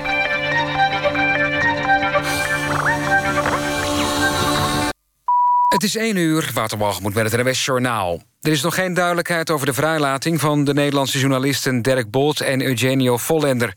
De gouverneur van de Colombiaanse regio waar de twee zijn ontvoerd... zei aan het einde van de middag dat de vrijlating een kwestie van uren was. Maar daarna zijn er geen nieuwe officiële mededelingen gedaan. NOS-correspondent Mark Bessems heeft wel geruchten gehoord... dat Bolt en Vollender mogelijk pas later vandaag vrijkomen. De twee werden zaterdag ontvoerd door guerrillabeweging ELN... toen ze opname maakten voor het programma Spoorloos. Europeanen in Groot-Brittannië krijgen wat premier May betreft... alleen de garantie dat ze daar mogen blijven... als ze er op het moment van de brexit langer dan vijf jaar wonen. May deed dit eerste voorstel in de brexit-onderhandelingen... op de Europese top in Brussel. Iedereen die na maart 2014 in Groot-Brittannië is komen wonen... moet na de brexit opnieuw een aanvraag doen voor een verblijfsvergunning. Premier Rutte wil niet inhoudelijk reageren op dit voorstel van May. De Duitse bondskanselier Merkel noemt het een goede start. De Amerikaanse president Trump heeft geen opnames gemaakt van zijn gesprekken met de ontslagen FBI-directeur James Comey, liet hij op Twitter weten. De president suggereerde na het ontslag wel dat hij opnames had. De Senaatscommissie doet onderzoek naar mogelijke Russische bemoeienis met de Amerikaanse presidentsverkiezingen en had de tapes opgevraagd. Maar Trump zegt nu dat die er dus niet zijn. In de Waal bij Tiel is het lichaam gevonden van een jongen van 13... die sinds afgelopen middag werd vermist. Hij verdween toen hij aan het zwemmen was met een groepje jongeren. Woensdag en zondag werd er ook al een lichaam van een dode zwemmer gevonden in de Waal. Het weer nog, vannacht zijn er opklaringen... en de temperatuur daalt vannacht naar zo'n 15 graden. Overdag wisselen zon en wolken elkaar af. Later op de dag kan in het noorden wat regen vallen. Het wordt 21 graden aan zee... tot lokaal 27 in het zuidoosten. Dit was het NWS Journaal.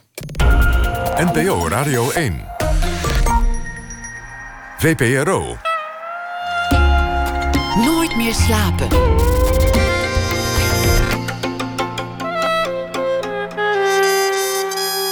Met Pieter van der Wielen. Jeroen van der Spek verzamelt vreemde plekken in Nederland. Een lange trap die nergens toe leidt. Een bos waar vandaan je de landingsbaan kunt zien. Of een overdekte rivier waar je kunt vissen. Zometeen eh, gaan we op pad met hem op zoek naar de gekste plek van Nederland. Schrijver Jeroen van Bergij komt op bezoek. Hij uh, maakte de tocht naar Santiago nadat zijn huwelijk op de klippen was gelopen. Op zoek naar een nieuwe richting in zijn bestaan. Monier Samuel is uh, schrijver en hij zal uh, zometeen de voorbije dag samenvatten. Maar eerst het uh, cultuurnieuws.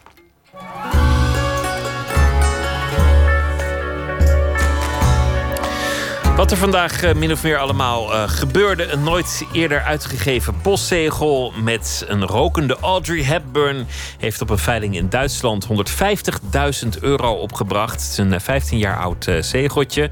Maar niet eerder uitgebracht omdat de familie van Hepburn daar een stokje voor stak. Het fotootje is afkomstig van haar bekendste film Breakfast at Tiffany's. De Japanse gameproducent Sega heeft vandaag een aantal van zijn klassieke games uitgebracht voor de smartphone. Sega Forever is het uh, motto. En het zijn retro games als Sonic the Hedgehog. En die zijn nu ook uh, beschikbaar voor iPhone en Android uh, gebruikers. De eerste vijf spelletjes zijn gratis beschikbaar. En vanaf juli elke maand een nieuwe klassieker. De typische pumps met rode zolen zijn niet langer exclusief voor het schoenenmerk Louboutin. Zo adviseerde het Europese Hof vandaag. Het Franse modemerk heeft de kleur rood op de zolen laten registreren als handelsmerk. En uh, diende daarom in 2012 een klacht in tegen de Nederlandse keten van Haren. Die ook uh, hoge hakken met rode zolen te koop aanboden. Maar uh, het Europese Hof heeft anders geoordeeld. En dus is dat monopolie komen te vervallen.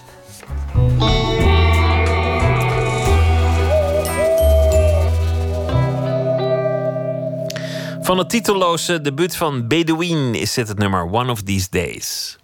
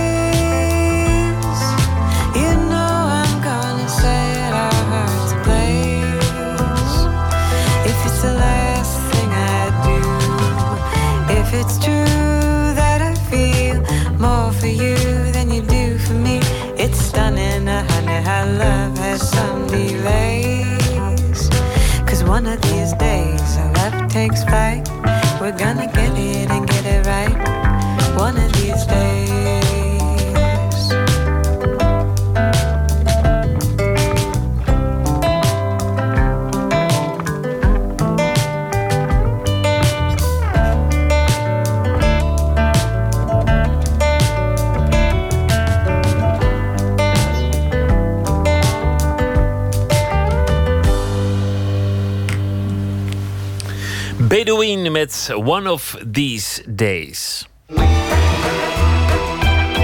Nooit meer slapen. Nederland is, eh, zou je zeggen, een tamelijk aangeharkt land. Maar tot zijn grote opluchting komt reisjournalist Jeroen van der Spek op zijn vele reizen door dat land. Nog nu, een, nog nu en dan een plek tegen waar de orde flink wordt doorbroken. Eerder schreef hij al een boek over de gekste plek in Nederland. Vandaag komt eh, deel 2 uit. Gekke plekken genoeg, lijkt het. Of zit de gekte niet in die plek zozeer, maar in het hoofd van de beschouwer? Jeroen nam eh, onze verslaggever Matthijs Deen mee naar Fort Vijfhuizen, waar kunstenaar Hans van Houwelingen een sluipweg heeft aangelegd die het boek heeft gehaald. Iets, iets kan er heel gek uitzien. Bijvoorbeeld een, eh, een bushokje in de vorm van een doodshoofd. Dat daadwerkelijk als bushokje functioneert. Eh, iets is ook vaak gek omdat het helemaal op de verkeerde plaats staat.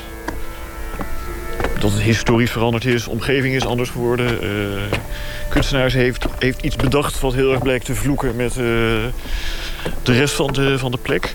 En vaak is iets gek omdat er een heel mooi verhaal aan eh, ten grondslag ligt.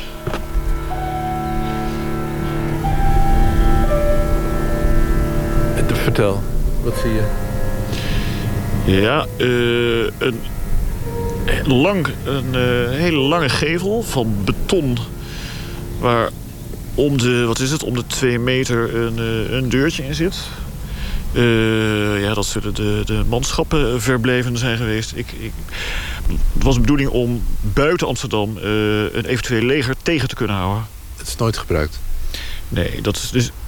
Het was natuurlijk bedoeld om, militair te gebruiken. Eh, dus logischerwijs zou je verwachten, als je hier nu rondloopt, dat daar allerlei tekenen of herinneringen eh, aan, aan strijd zijn. Dat er bloed is gevloeid. Maar er is geen druppel bloed gevloeid.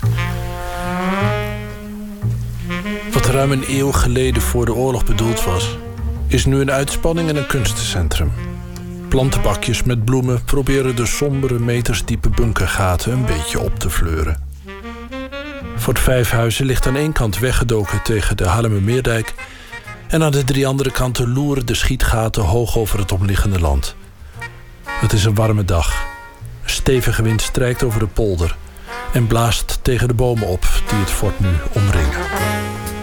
Ik zie het ook een beetje als een, eh, voor mezelf als een, als een soort kruistocht tegen de saaiheid. Hè? Dus natuurlijk in Nederland is best een aangeharkt land. Ja. Imco's en kans. En, en zeker, ik heb voor mijn boek heel veel eh, nieuwbouwwijken doorkruist. Het lijkt wel of Nederland tegenwoordig één grote nieuwbouwwijk is. Er wordt heel veel gebouwd. En dan zie je natuurlijk overal die, die, eh, ja, die Phoenix-stijl. En ik, ik wil daar niet doodgevonden worden. Dus ik ben ontzettend blij als dan iets niet klopt. Overigens, je staat op een eh, grafsteen. Kan het wel? Ja, nee, dat, dat was de bedoeling. Ik was, ik was benieuwd of je het zou opmerken. Maar eh, ja, je loopt hier zo naadloos over een pad... dat helemaal geplaveid is met grafstenen. Het pad van grafstenen voert in een halve cirkel over de bolwerken rond het fort. De stenen die van overal in Nederland naar Vijfhuizen zijn vervoerd, liggen in de lengte achter elkaar uitgestrekt. Alsof het fort wordt omsloten door een snoer van doden, hoofd aan voeten, hoofd aan voeten, hoofd aan voeten. Maar dan zonder de doden natuurlijk, het zijn alleen de stenen. En grafstenen zijn zo breed als een paar wandelende voeten. Het is prima als pad. Past allemaal precies. Eh, behalve in je hoofd. Overigens, weet je waar je bovenop staat? Wat blijft is de liefde. Een journalist, dat is wel heel toepasselijk. Het is 55 geworden. Ja. Zo oud als wij nu zijn. Nou ja, precies. Het heet overigens de eh, sluipweg waar langs de dood heeft weten te ontsnappen. Zo heet het kunstwerk waarop staan. We staan hier dus bij een fort waar nooit bloed gevloeid heeft. Ja, dus hij heeft bedacht... ik wil de doden die niet gevallen zijn... toch op een of andere manier in de omgeving van het fort terughalen. Dus dit zijn plaatsvervangende doden eigenlijk. Ja, dat zou je kunnen zeggen. Ja. Want hier had eigenlijk gestorven moeten worden. Ja. Voor het vaderland. Ja. We hebben erg, er is erg veel wind. Het kan, eh, misschien kunnen we onder die boom gaan staan. Dan hebben we wel het geruis van de, van de boom. De wind trekt nog verder aan. Takjes waaien los uit de bomen en de wind jaagt ze buitelend over de grafstenen. Een dapper, heuphoog trekkertje komt tegen de wind in het bolwerk opgereden en maait het gras. De jongen die de maaier bestuurt wil niets in de microfoon zeggen. Hij onderhoudt de stenen, maait het gras aan weerszijden weg en ziet dat wandelaars hun aanvankelijke schroom om over de stenen te lopen geleidelijk laten varen. Als hij het elke dag ziet en hij moet daar met zijn maaimachientje de boel schoonhouden... en hij gaat er heel pragmatisch mee om, hè? Ja. Dat zegt hij ook. eh, zorg dat mensen niet struikelen. Ja. Dat zal je gebeuren, dat je over een graf, eh, grafzerk struikelt. De eerste keer dat ik hier kwam was hier een kinderfeestje aan de gang. Volgens mij waren die kinderen zich totaal niet bewust van, van die stenen. En als ze zich al van bewust waren, dan interesseerde ze het gewoon niet. Nee. Dus die waren echt oud-Hollandse spelletjes aan het doen. Hè? Koekhappen en tikkertje. En steeds als ze een spelletje hadden afgerond... dan kregen ze iets, snoep of zo, of eh, iets op een kaart. Het was mooi weer, het was een feestplek. En, maar wel op grafstenen. Zo'n heel boek gekke plekken zoeken is op zoek eigenlijk... ik wil niet zeggen wanhopig, maar wel ijverig op zoek naar contrast. Ja, dat klopt. Maar niet alleen. Het is ook het verhaal daarachter. Hè? Het is natuurlijk het verhaal van die Hans van Houwelingen... die dacht, er is nooit een druppel bloed gevloeid hier. Maar ook hoe hij het vervolgens heeft gerealiseerd. Want, dat is, bedoel, je kan het mooi bedenken... maar je moet wel zien dat je 200 grafzerken... gebruikte grafzerken loskrijgt. Hè? Ja. En dat heeft hij voor elkaar gekregen. Het verraste hem hoe makkelijk mensen bereid waren... om die grafzerken eh, af te staan. En daar komen we achter dat, zo- zoals hij het zelf zegt... dood zijn duur is. Hè, dus op het moment dat je je, je eh, je graf voor een aantal jaar hebt afgekocht... en die grafrechten vervallen, dan, dan is het duur om dat graf te houden. En veel mensen die doeken het op om die reden. Die hebben iets van, nou ja, we kunnen... Dood is dood. Dood is dood. Of, eh, we, kunnen zelf die nagedachtenis wel, eh, houden wel in ons hoofd. Gratis. Precies. En dan gaat die... Dan wordt die eh, grafsteen afgevoerd. Die komt vaak eh, als wegdek weer in de wegenbouw terecht.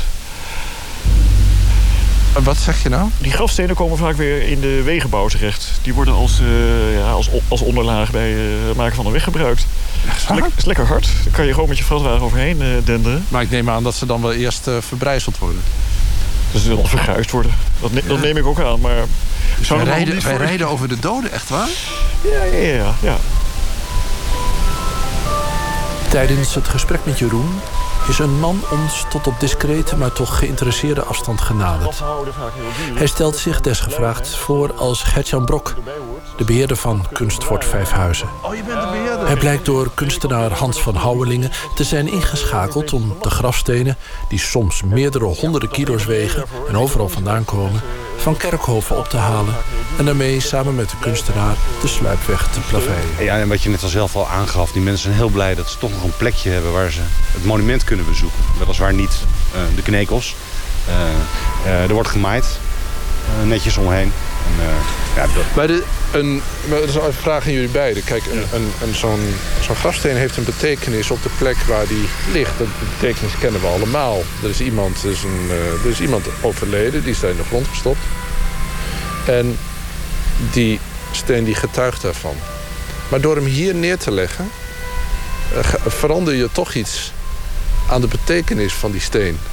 Terwijl die toch nog steeds zijn eigen boodschap draagt. Ja, het is, het is en een onderdeel van een kunstwerk, maar ook nog steeds een nagedachtenis aan iemand die doodgegaan is. Tussen allemaal andere nagedachtenissen.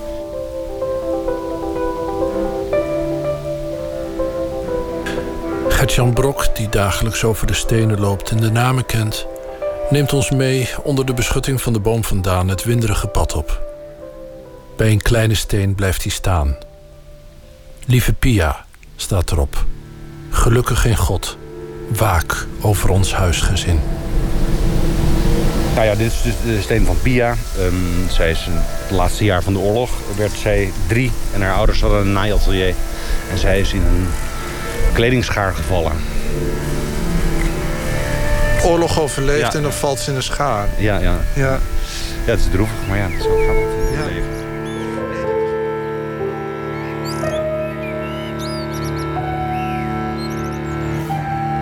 Kom je familieleden naar hun, eh, naar hun steenkring? Ja, ja, ja, ik heb geregeld. eh, Dan staat er een fles champagne of er ligt er een bos bloemen. En, eh, Echt waar? En was er iemand jarig of juist de dag van overlijden. eh, ja. Maar moet je ook realiseren dat er hele recente stenen bij liggen.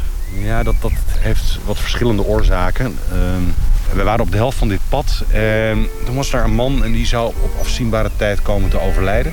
Wist hij. En zou dan ook zijn lichaam aan de medische wetenschap, wetenschap doneren. Ehm, en heeft, voor, heeft gevraagd of hij voor zichzelf een steen kon ma laten maken. En toen meneer helemaal overleden was, toen kwam zijn broer die steen brengen. En dat was niet helemaal de insteek van het kunstwerk. Maar we vonden het een beetje moeilijk om dan te zeggen... nou, dat moesten we maar niet doen. Dat, eh, Nee, dat is en inderdaad zijn broer, kwam, die- zijn broer kwam die steen brengen en dan kreeg hij ook nog een flesje never van, die, van hem. En, eh, Oh, toen- toen was het Ja, goed. het was helemaal goed. ja. En is, is nou in de loop van de tijd... Want hoe lang ligt het nou hier? In 2007 is dit werk afgerond. Ben je eraan gaan hechten? Eh, ja, ik denk het wel. Ik had er nog niet zo over nagedacht, maar ik denk het wel. Ja. Wa- waarom? Ehm, ik, ik, ik, ik loop er overheen. Ehm, ik loop er dagelijks overheen. Ik, ik werk hier gewoon. En toch kijk ik altijd even naar eh, een steen en denk... hé, hey, die had ik nog nooit eerder gezien. En dat heb ik nu nog wel. En je dagelijks. Ja. De namen ken je ook. Ja, ik weet ongeveer wie waar ligt. Maar het, het zijn er 300, eh, 350 ongeveer. Dus eh, Ja. ja, m- sommige namen ken ik wel, ja. Ja. Maar niet alle namen, zeker niet. Nee. Ja, het is gewoon onderdeel van het fort. Ja. Het is, eh, Han Hans die noemt het ook. Hij zegt zoals wij het fort gerecycled hebben van militair bolwerk naar instelling voor hedendaagse kunst. ehm, zijn deze stenen ook ja, zeg maar van, van grafmonument naar, eh, naar kunstwerk gegaan.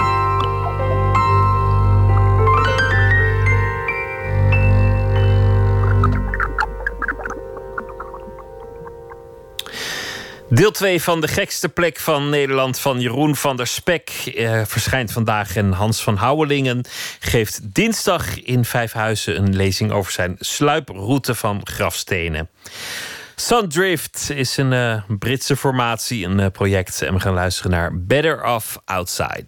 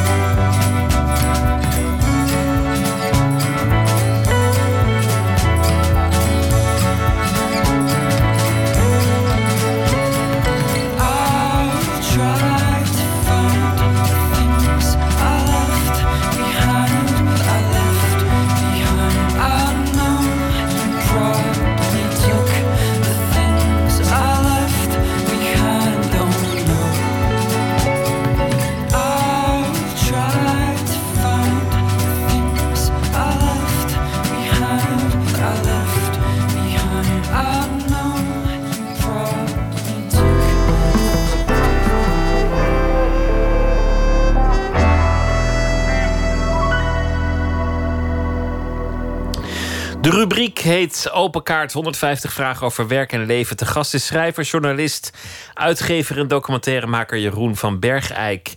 Hij heeft een eh, boek geschreven, Liefde, Lijden en Lossen. In 40 dagen naar Santiago. Zijn huwelijk liep op de klippen. Hij liep vast in zijn werk en eh, hij besloot te doen wat velen voor hem ook al deden. Namelijk een pelgrimstocht maken op de fiets. In 40 dagen naar eh, Santiago. Jeroen van Bergijk, hartelijk welkom. Hallo. Toen je zelf nog uitgever was, als iemand jou had gebeld en gezegd: eh, ik, ga een boek schrijven over een fietstocht naar Santiago. Wat, zou je dan zelf gezegd hebben, denk je? Eh, nou, dat moesten we maar niet doen. Dat is alles gedaan. Ja, ja, ja. Nee, dat zou, ik, ik zou daar in eerste instantie niet heel enthousiast over eh, op gereageerd hebben. Nee. Tegelijk, ja, maar dat, dat geldt natuurlijk voor heel veel dingen. Als je, als je de grote romans uit de literatuur samenvat in één zinnetje, dan, dan denk je ook. Ja, dat heb ik al een keer gelezen. Het is, het is hoe iemand het uitvoert en hoe iemand het invult. Ja, precies. We doen alsmaar, alsmaar weer hetzelfde, en maar dan op een andere manier. Uh, dus dat is dit ook. Hoe kwam je op het idee destijds om die, om die tocht te gaan maken? Nou, uh, zoals... Heel, kijk, de meeste mensen die naar Santiago gaan, daar is iets mee. Die, die, daar, daar, daar, die doen dat met een reden. En, en voor mij was de, was de reden dat ik... Uh, nou, ik zat in een, al in een hele lange relatiecrisis. Ik merkte dat mijn werk niet meer ging. Dat ik daar geen plezier meer in had. En, en mijn moeder die overleed. Uh, en, en die drie dingen die kwamen samen. En uh, toen dacht ik, ik moet gewoon weg. Ik moet op de fiets stappen en ik wil ergens naartoe. Maakte mij niet zo heel veel uit waar naartoe. En waarom dan niet naar Santiago? Want dat hebben al zoveel mensen voor mij gedaan. Het was ook helemaal niet bedoeld om een boek over te schrijven.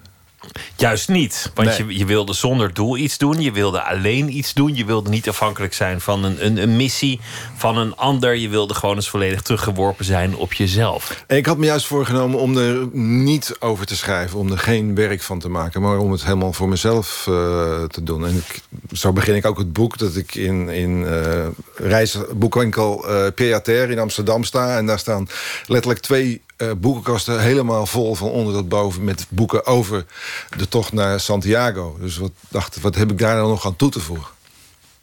Nou, toch een heleboel, maar het is vooral een innerlijke tocht die je beschrijft. Jouw ja. boek gaat niet over de, over de kerkjes, de paden, over de pelgrims die je voorgingen.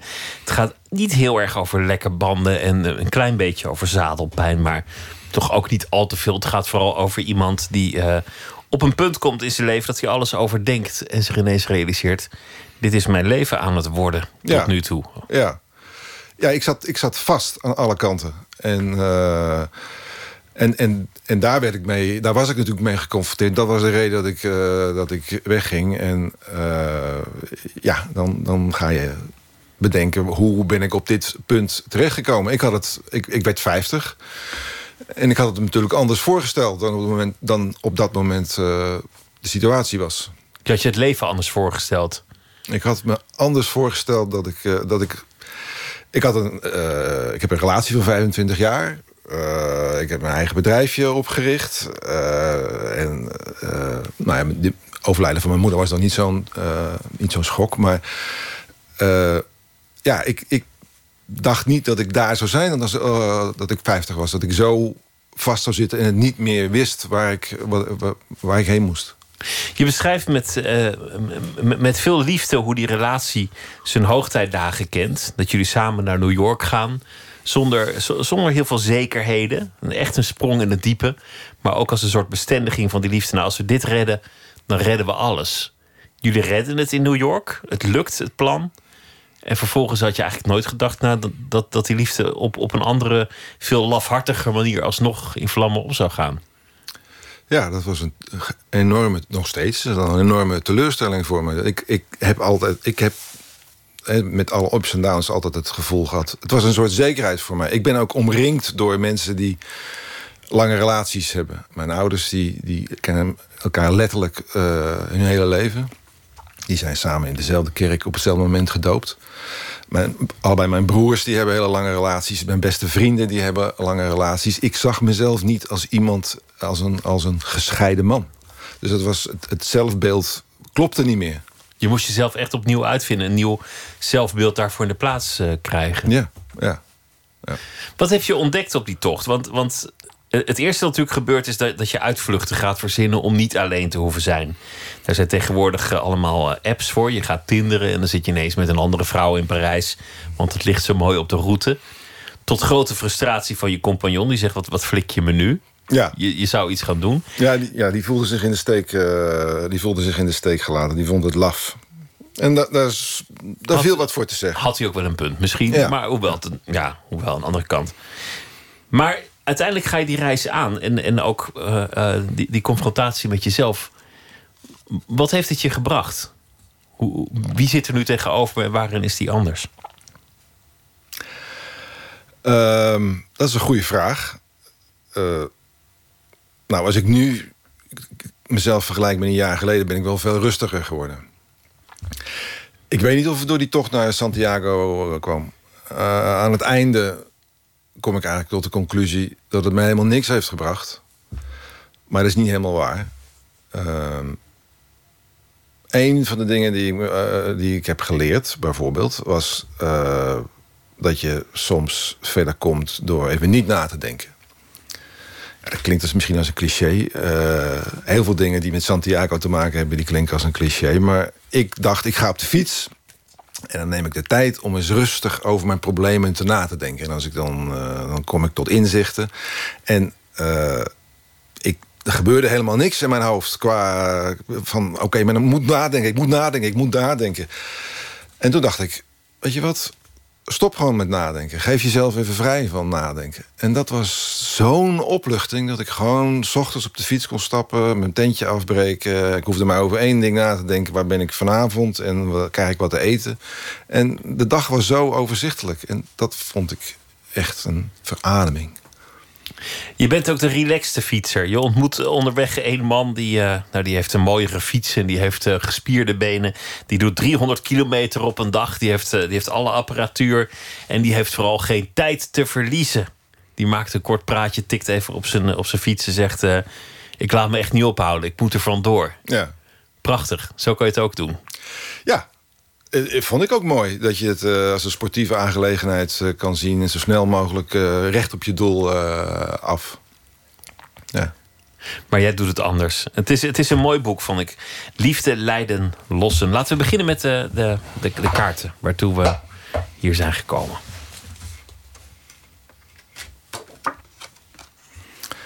Wat was je bijbaan? Eh, mijn eerste bijbaantje was... eh, mijn vader die was directeur van een eh, koekjesfabriek. Beschuit en koekjes. En eh, die werden met de hand ingepakt. Spritsen. En die kwamen van een lopende band af. En die moest je dan met z'n vieren optellen. Vier in de ene hand, vier in de andere hand. En die moest je zo in een doosje doen. En dan gingen er volgens mij twee keer 16 in. En dan met het volgende doosje. En een jaar later was er een robot gekomen die dat werk overnam. Maar dat was je eerste baantje, Ja. spritsen inpakken. Ja. Stom vervelend werk, lijkt me. Verschrikkelijk vervelend werk, ja. En ik ben toen, ik ben toen heel erg gemotiveerd geraakt om weer, eh, weer mijn best te gaan doen op school. Want ik dacht van, och jezus, stel dat ik hier zou eindigen. Heb je ooit nog een sprits gegeten daarna? Nee, dat was de eerste wat ze jullie lieten doen. Net zoveel sprits eten als je, als je wilde. De eerste dag was ik echt kotsmisselijk. En die lucht alleen al, die, die maakt me misselijk als ik daar weer terug aan denk. En dat deden ze om te voorkomen dat iemand voortaan elke dag één keer een koekje Ja. zou pakken. Ja, Ja, heel verstandig. Laten we nog geen eh, doen. Welk werk is nog niet af? Och jeetje. Ehm. nou, als we werk wat ruimer nemen, dan. Ik, moet, ik zit dit hier van mijn, voor mijn boek, dus ik moet direct aan mijn boek denken. Eh, dat boek gaat over hoe kom ik in het reinen met eh, dat mijn relatie is mislukt. Nou, daar ben ik nog niet. En daar word ik nog steeds mee geconfronteerd van wanneer gaat dat nou een keer voorbij? Wanneer, wanneer accepteer ik dat nou? Dat is werk. Ja. Eigenlijk is dat misschien wel werk, misschien ook niet. Je moet er in ieder geval voor, werken. Eh, als we het gewoon puur op werk houden, welk werk is nog niet af? Ja, het is, no het is nooit af. Ik, eh, ik ben nu met een nieuw project bezig... waar ik helaas helemaal nog niks over mag vertellen... want het is undercover journalistiek. Maar eh, daar ben ik nu net mee bezig. En daar heb ik ontzettend veel zin in. En dat is nog lang niet af. Oké, laten we nog één doen. Wat is de mooiste plek op aarde? Ik, heb, eh, ik woon in Amsterdam. En ik heb daar aan de rand van Amsterdam een volkstuintje. En dat is op dit moment de mooiste plek op aarde. Vooral op dit moment. De tuin staat er zo mooi bij. Alles bloeit. En het ligt langs de spoorlijn. En aan de andere kant is de snelweg. En het is een heel onooglijk plekje aan de ene kant. Maar als ik daar naartoe fiets, dan... Er is geen elektriciteit, er is geen internet. En dan kom ik helemaal tot rust. Dat is mijn mooiste plek op aarde. Maar je kijkt uit over de snelweg vanuit je volkstuintje? Nou, nee, je kijkt niet? niet uit over de snelweg, want het is helemaal omringd door, door groen. Maar als je daar naartoe fietst, dan zou je het niet zeggen dat daar iets moois is. Want het is dus langs de ringweg. En de- aan de andere kant is het spoor. En aan de andere, andere kant is de Haarlemmerweg. Dus het, is een, het, is, het ligt ingeklemd tussen allemaal eh, nou, snelwegen en, en, eh, en spoorbanen. Maar als je dan door het hek gaat en je komt door de bomen heen... en dan ben je opeens helemaal weg. En een oase is het dan toch, terwijl je de trein langs hoort denderen. De mooiste plek op aarde. Laten we, laten we nog één eh, doen. En gewoon de voorste. Voor welk werk schaam je je? Eh, ik schaam me voor geen enkel werk wat ik zelf gedaan heb. Dus zou de vraag moeten zijn, toch? Ja. Ja. Nee, schaam ik me nergens voor. Heel goed. We doen er nog één. Waar walg je van? Jeetje. Eh, van macaroni met eh, tomatensaus. Daar walg ik echt van. Dat vind je goor? Dat vind ik echt smerig, ja. Er zijn toch nog wel goordere dingen te bedenken dan dat? Eh, nou, ik kan het zo gauw niet opkomen. Mijn moeder maakte dat vroeger. En ik moest blijven zitten tot ik het op had. En ik vond het verschrikkelijk. Van die elleboogjes macaroni met tomatensaus.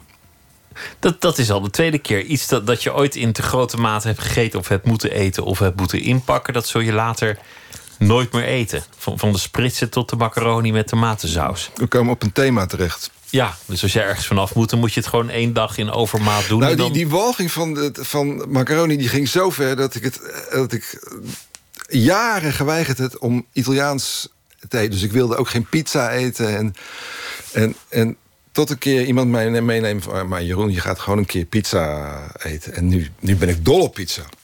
Dus ik heb een hoop, daar heb ik toch wel een hoop van overwonnen. Maar macaroni en Italiaans, dat, is ook al een beetje uit elkaar gegroeid volgens mij. Ja, ja. Ik ken geen Italiaan die macaroni eet. Ja. Jeroen van Bergijk, dank je wel. Liefde, Lijden, Lossen heet het boek over eh, de tocht naar Santiago. Dank je wel. Graag gedaan. Donny Hathaway met het nummer Love, Love, Love. Love,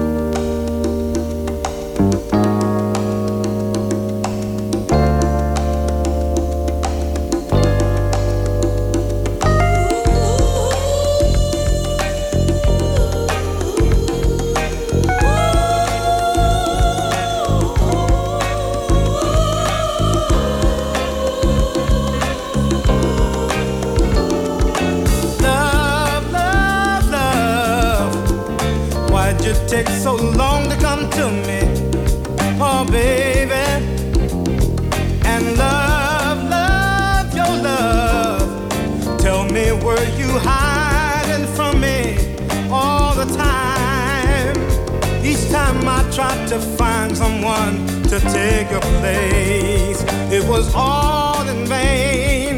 No, their lips were never quite the same. No, baby. When I was kissing someone new, deep inside I was missing you. Ah, baby, you made me fall in love with you. Now I don't know just what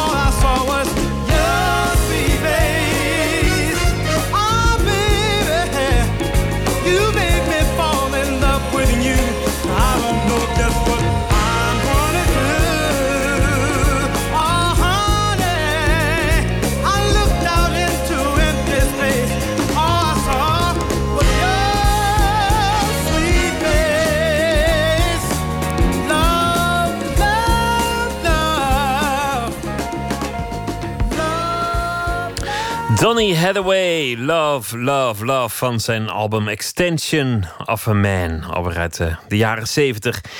Eén minuut, deze is gemaakt door Maartje Duin en de titel is Ketting. Misschien vier, vijf jaar geleden werd ik beroofd hier in de straat door twee jonge jongens. Half acht kwam ik thuis, deed mijn deur open en ik kreeg een klap in mijn nek.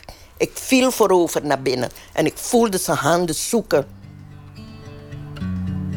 Die ketting was zo belangrijk voor mij. Altijd had ik hem om.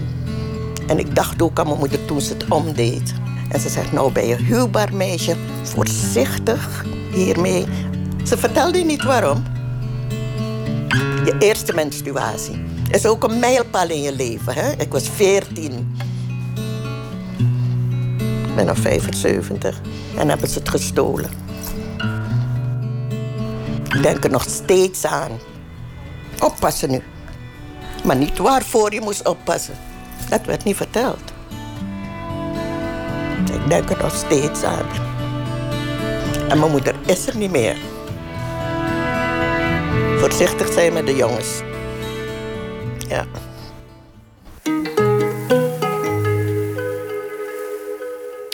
Monier Samuel is deze week onze vaste schrijver. Elke dag een verhaal bij de dag die achter ons ligt. Monier, goeienacht.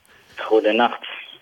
Gisteren eh, vertelde je dat je vandaag weer verder ging met je project... om eh, als eh, niet-moslim toch de ramadan mee te doen voor de Groene Amsterdammer.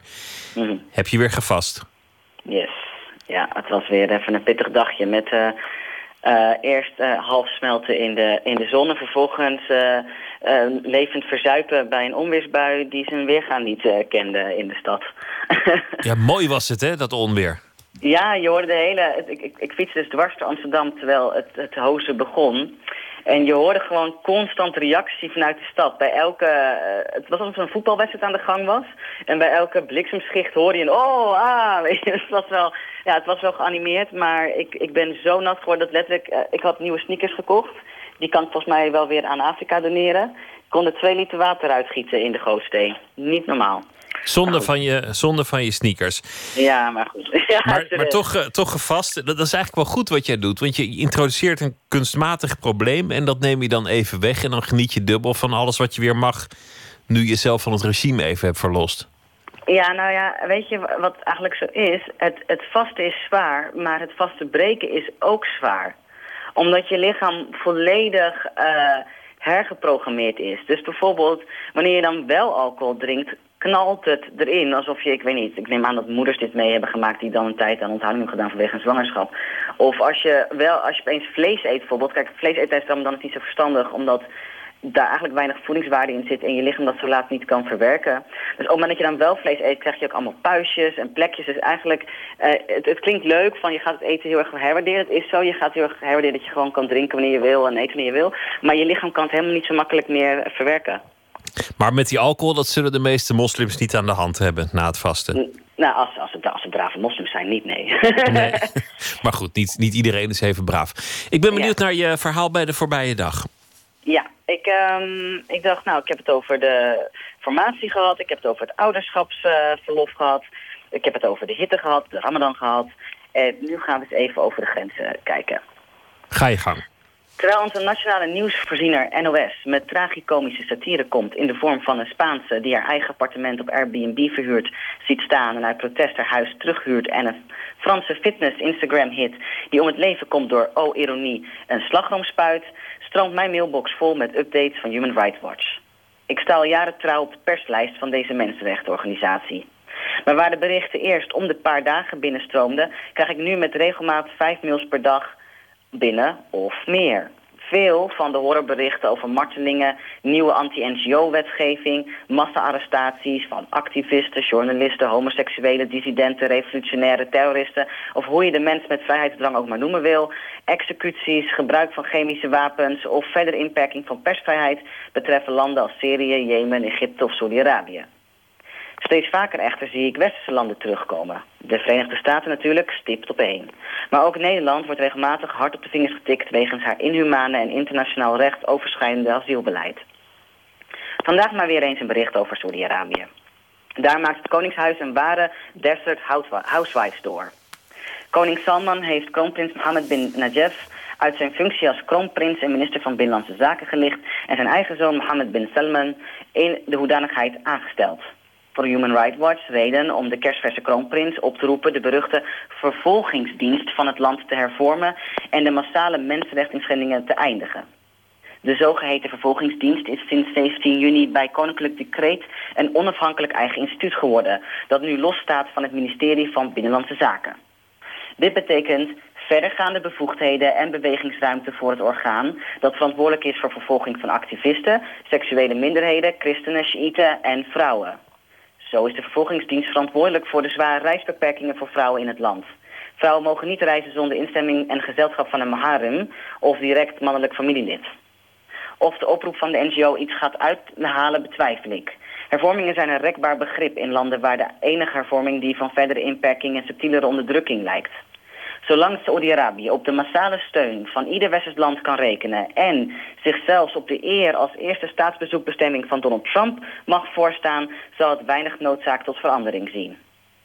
Misschien zou Human Rights Watch een oproep aan onze eigen koning en consorten kunnen sturen. Internationaal recht en mensenrechten blijken namelijk een erg rekbaar begrip. We tikken arme landen graag op de vingers, maar rijken liever lijfbehoud dan een einde aan het zwarte goud. Over de mensenrechten bij onze bondgenoot en handelspartner uh, Saoedi-Arabië. Waar je Precies. af en toe nog wel over hoort, maar zelden vanuit uh, officiële kanalen en regeringsfunctionarissen. Monier, dank je wel. Goeienacht en tot morgen. Dag.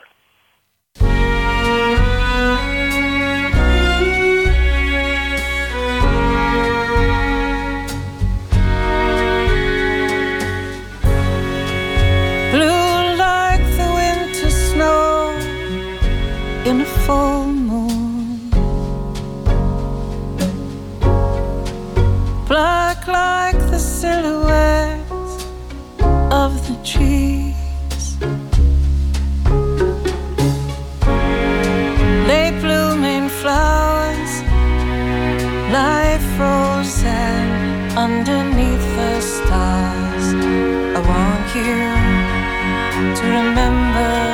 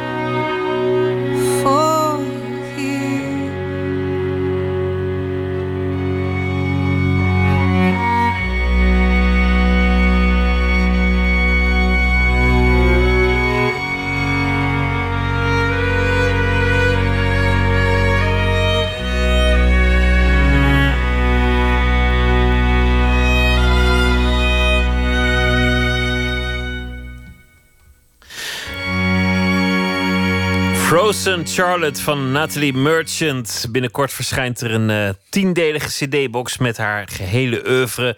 Met ook uh, bijzondere opnamen. En dit nummer uh, zal er ook tussen zitten. Frozen Charlotte. Poëzie van Anton Korteweg. En dit gedicht heet Meisje met de Parel.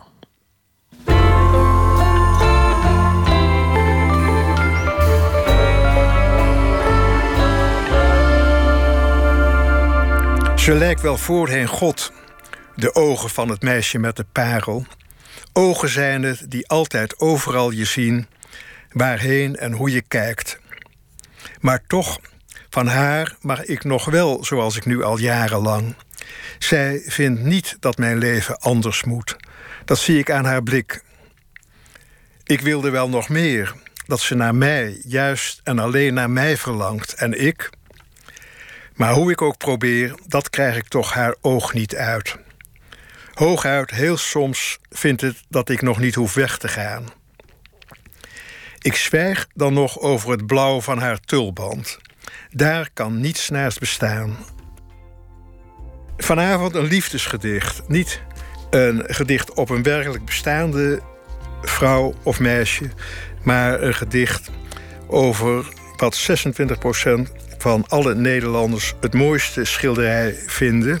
Het meisje met de parel van de 17e eeuwse schilder Johannes Vermeer. Hij schilderde dat in 1665.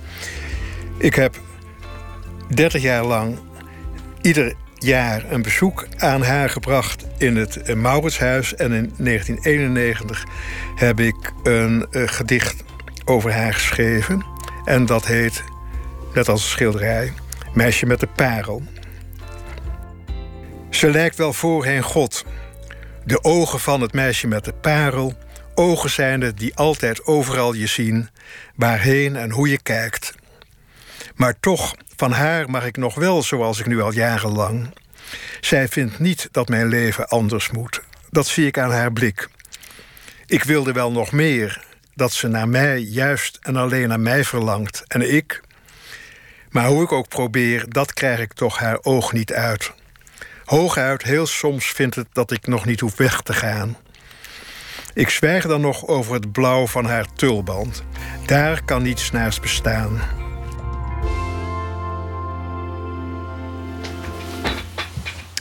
Meisje met de parel van Anton Korteweg. Hier is Sam Smith.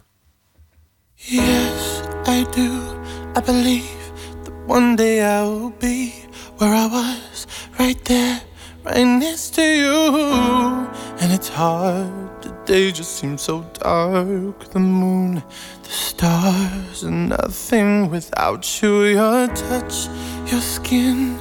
Where do I begin? No words can explain the way I'm missing you tonight. This emptiness, this hole that I'm inside. These tears, they tell their own story. Told me not to cry when you were gone. But the feeling's overwhelming, it's much too strong. Can I lay by your side next to you? You and be so I I'll take you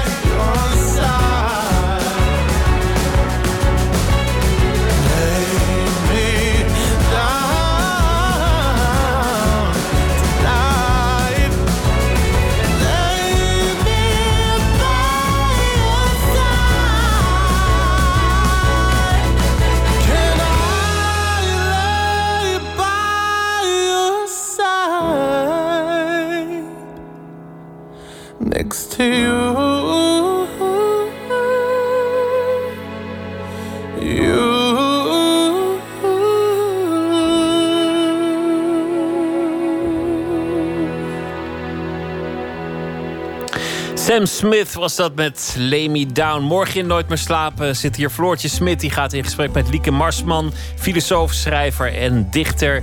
Heeft een eh, nieuw boek geschreven. Het tegenovergestelde van een mens. En dat gaat over grote onderwerpen: klimaatverandering en identiteit. En er is ook nog een nieuwe dichtbundel: Man met hoed. Met verzamelde gedichten en een eh, selectie van vertalingen. Dat allemaal morgen in Nooit meer slapen. Zometeen op NPO Radio 1 kunt u luisteren naar De Nachtzuster. Veel plezier daarbij en een hele goede nacht.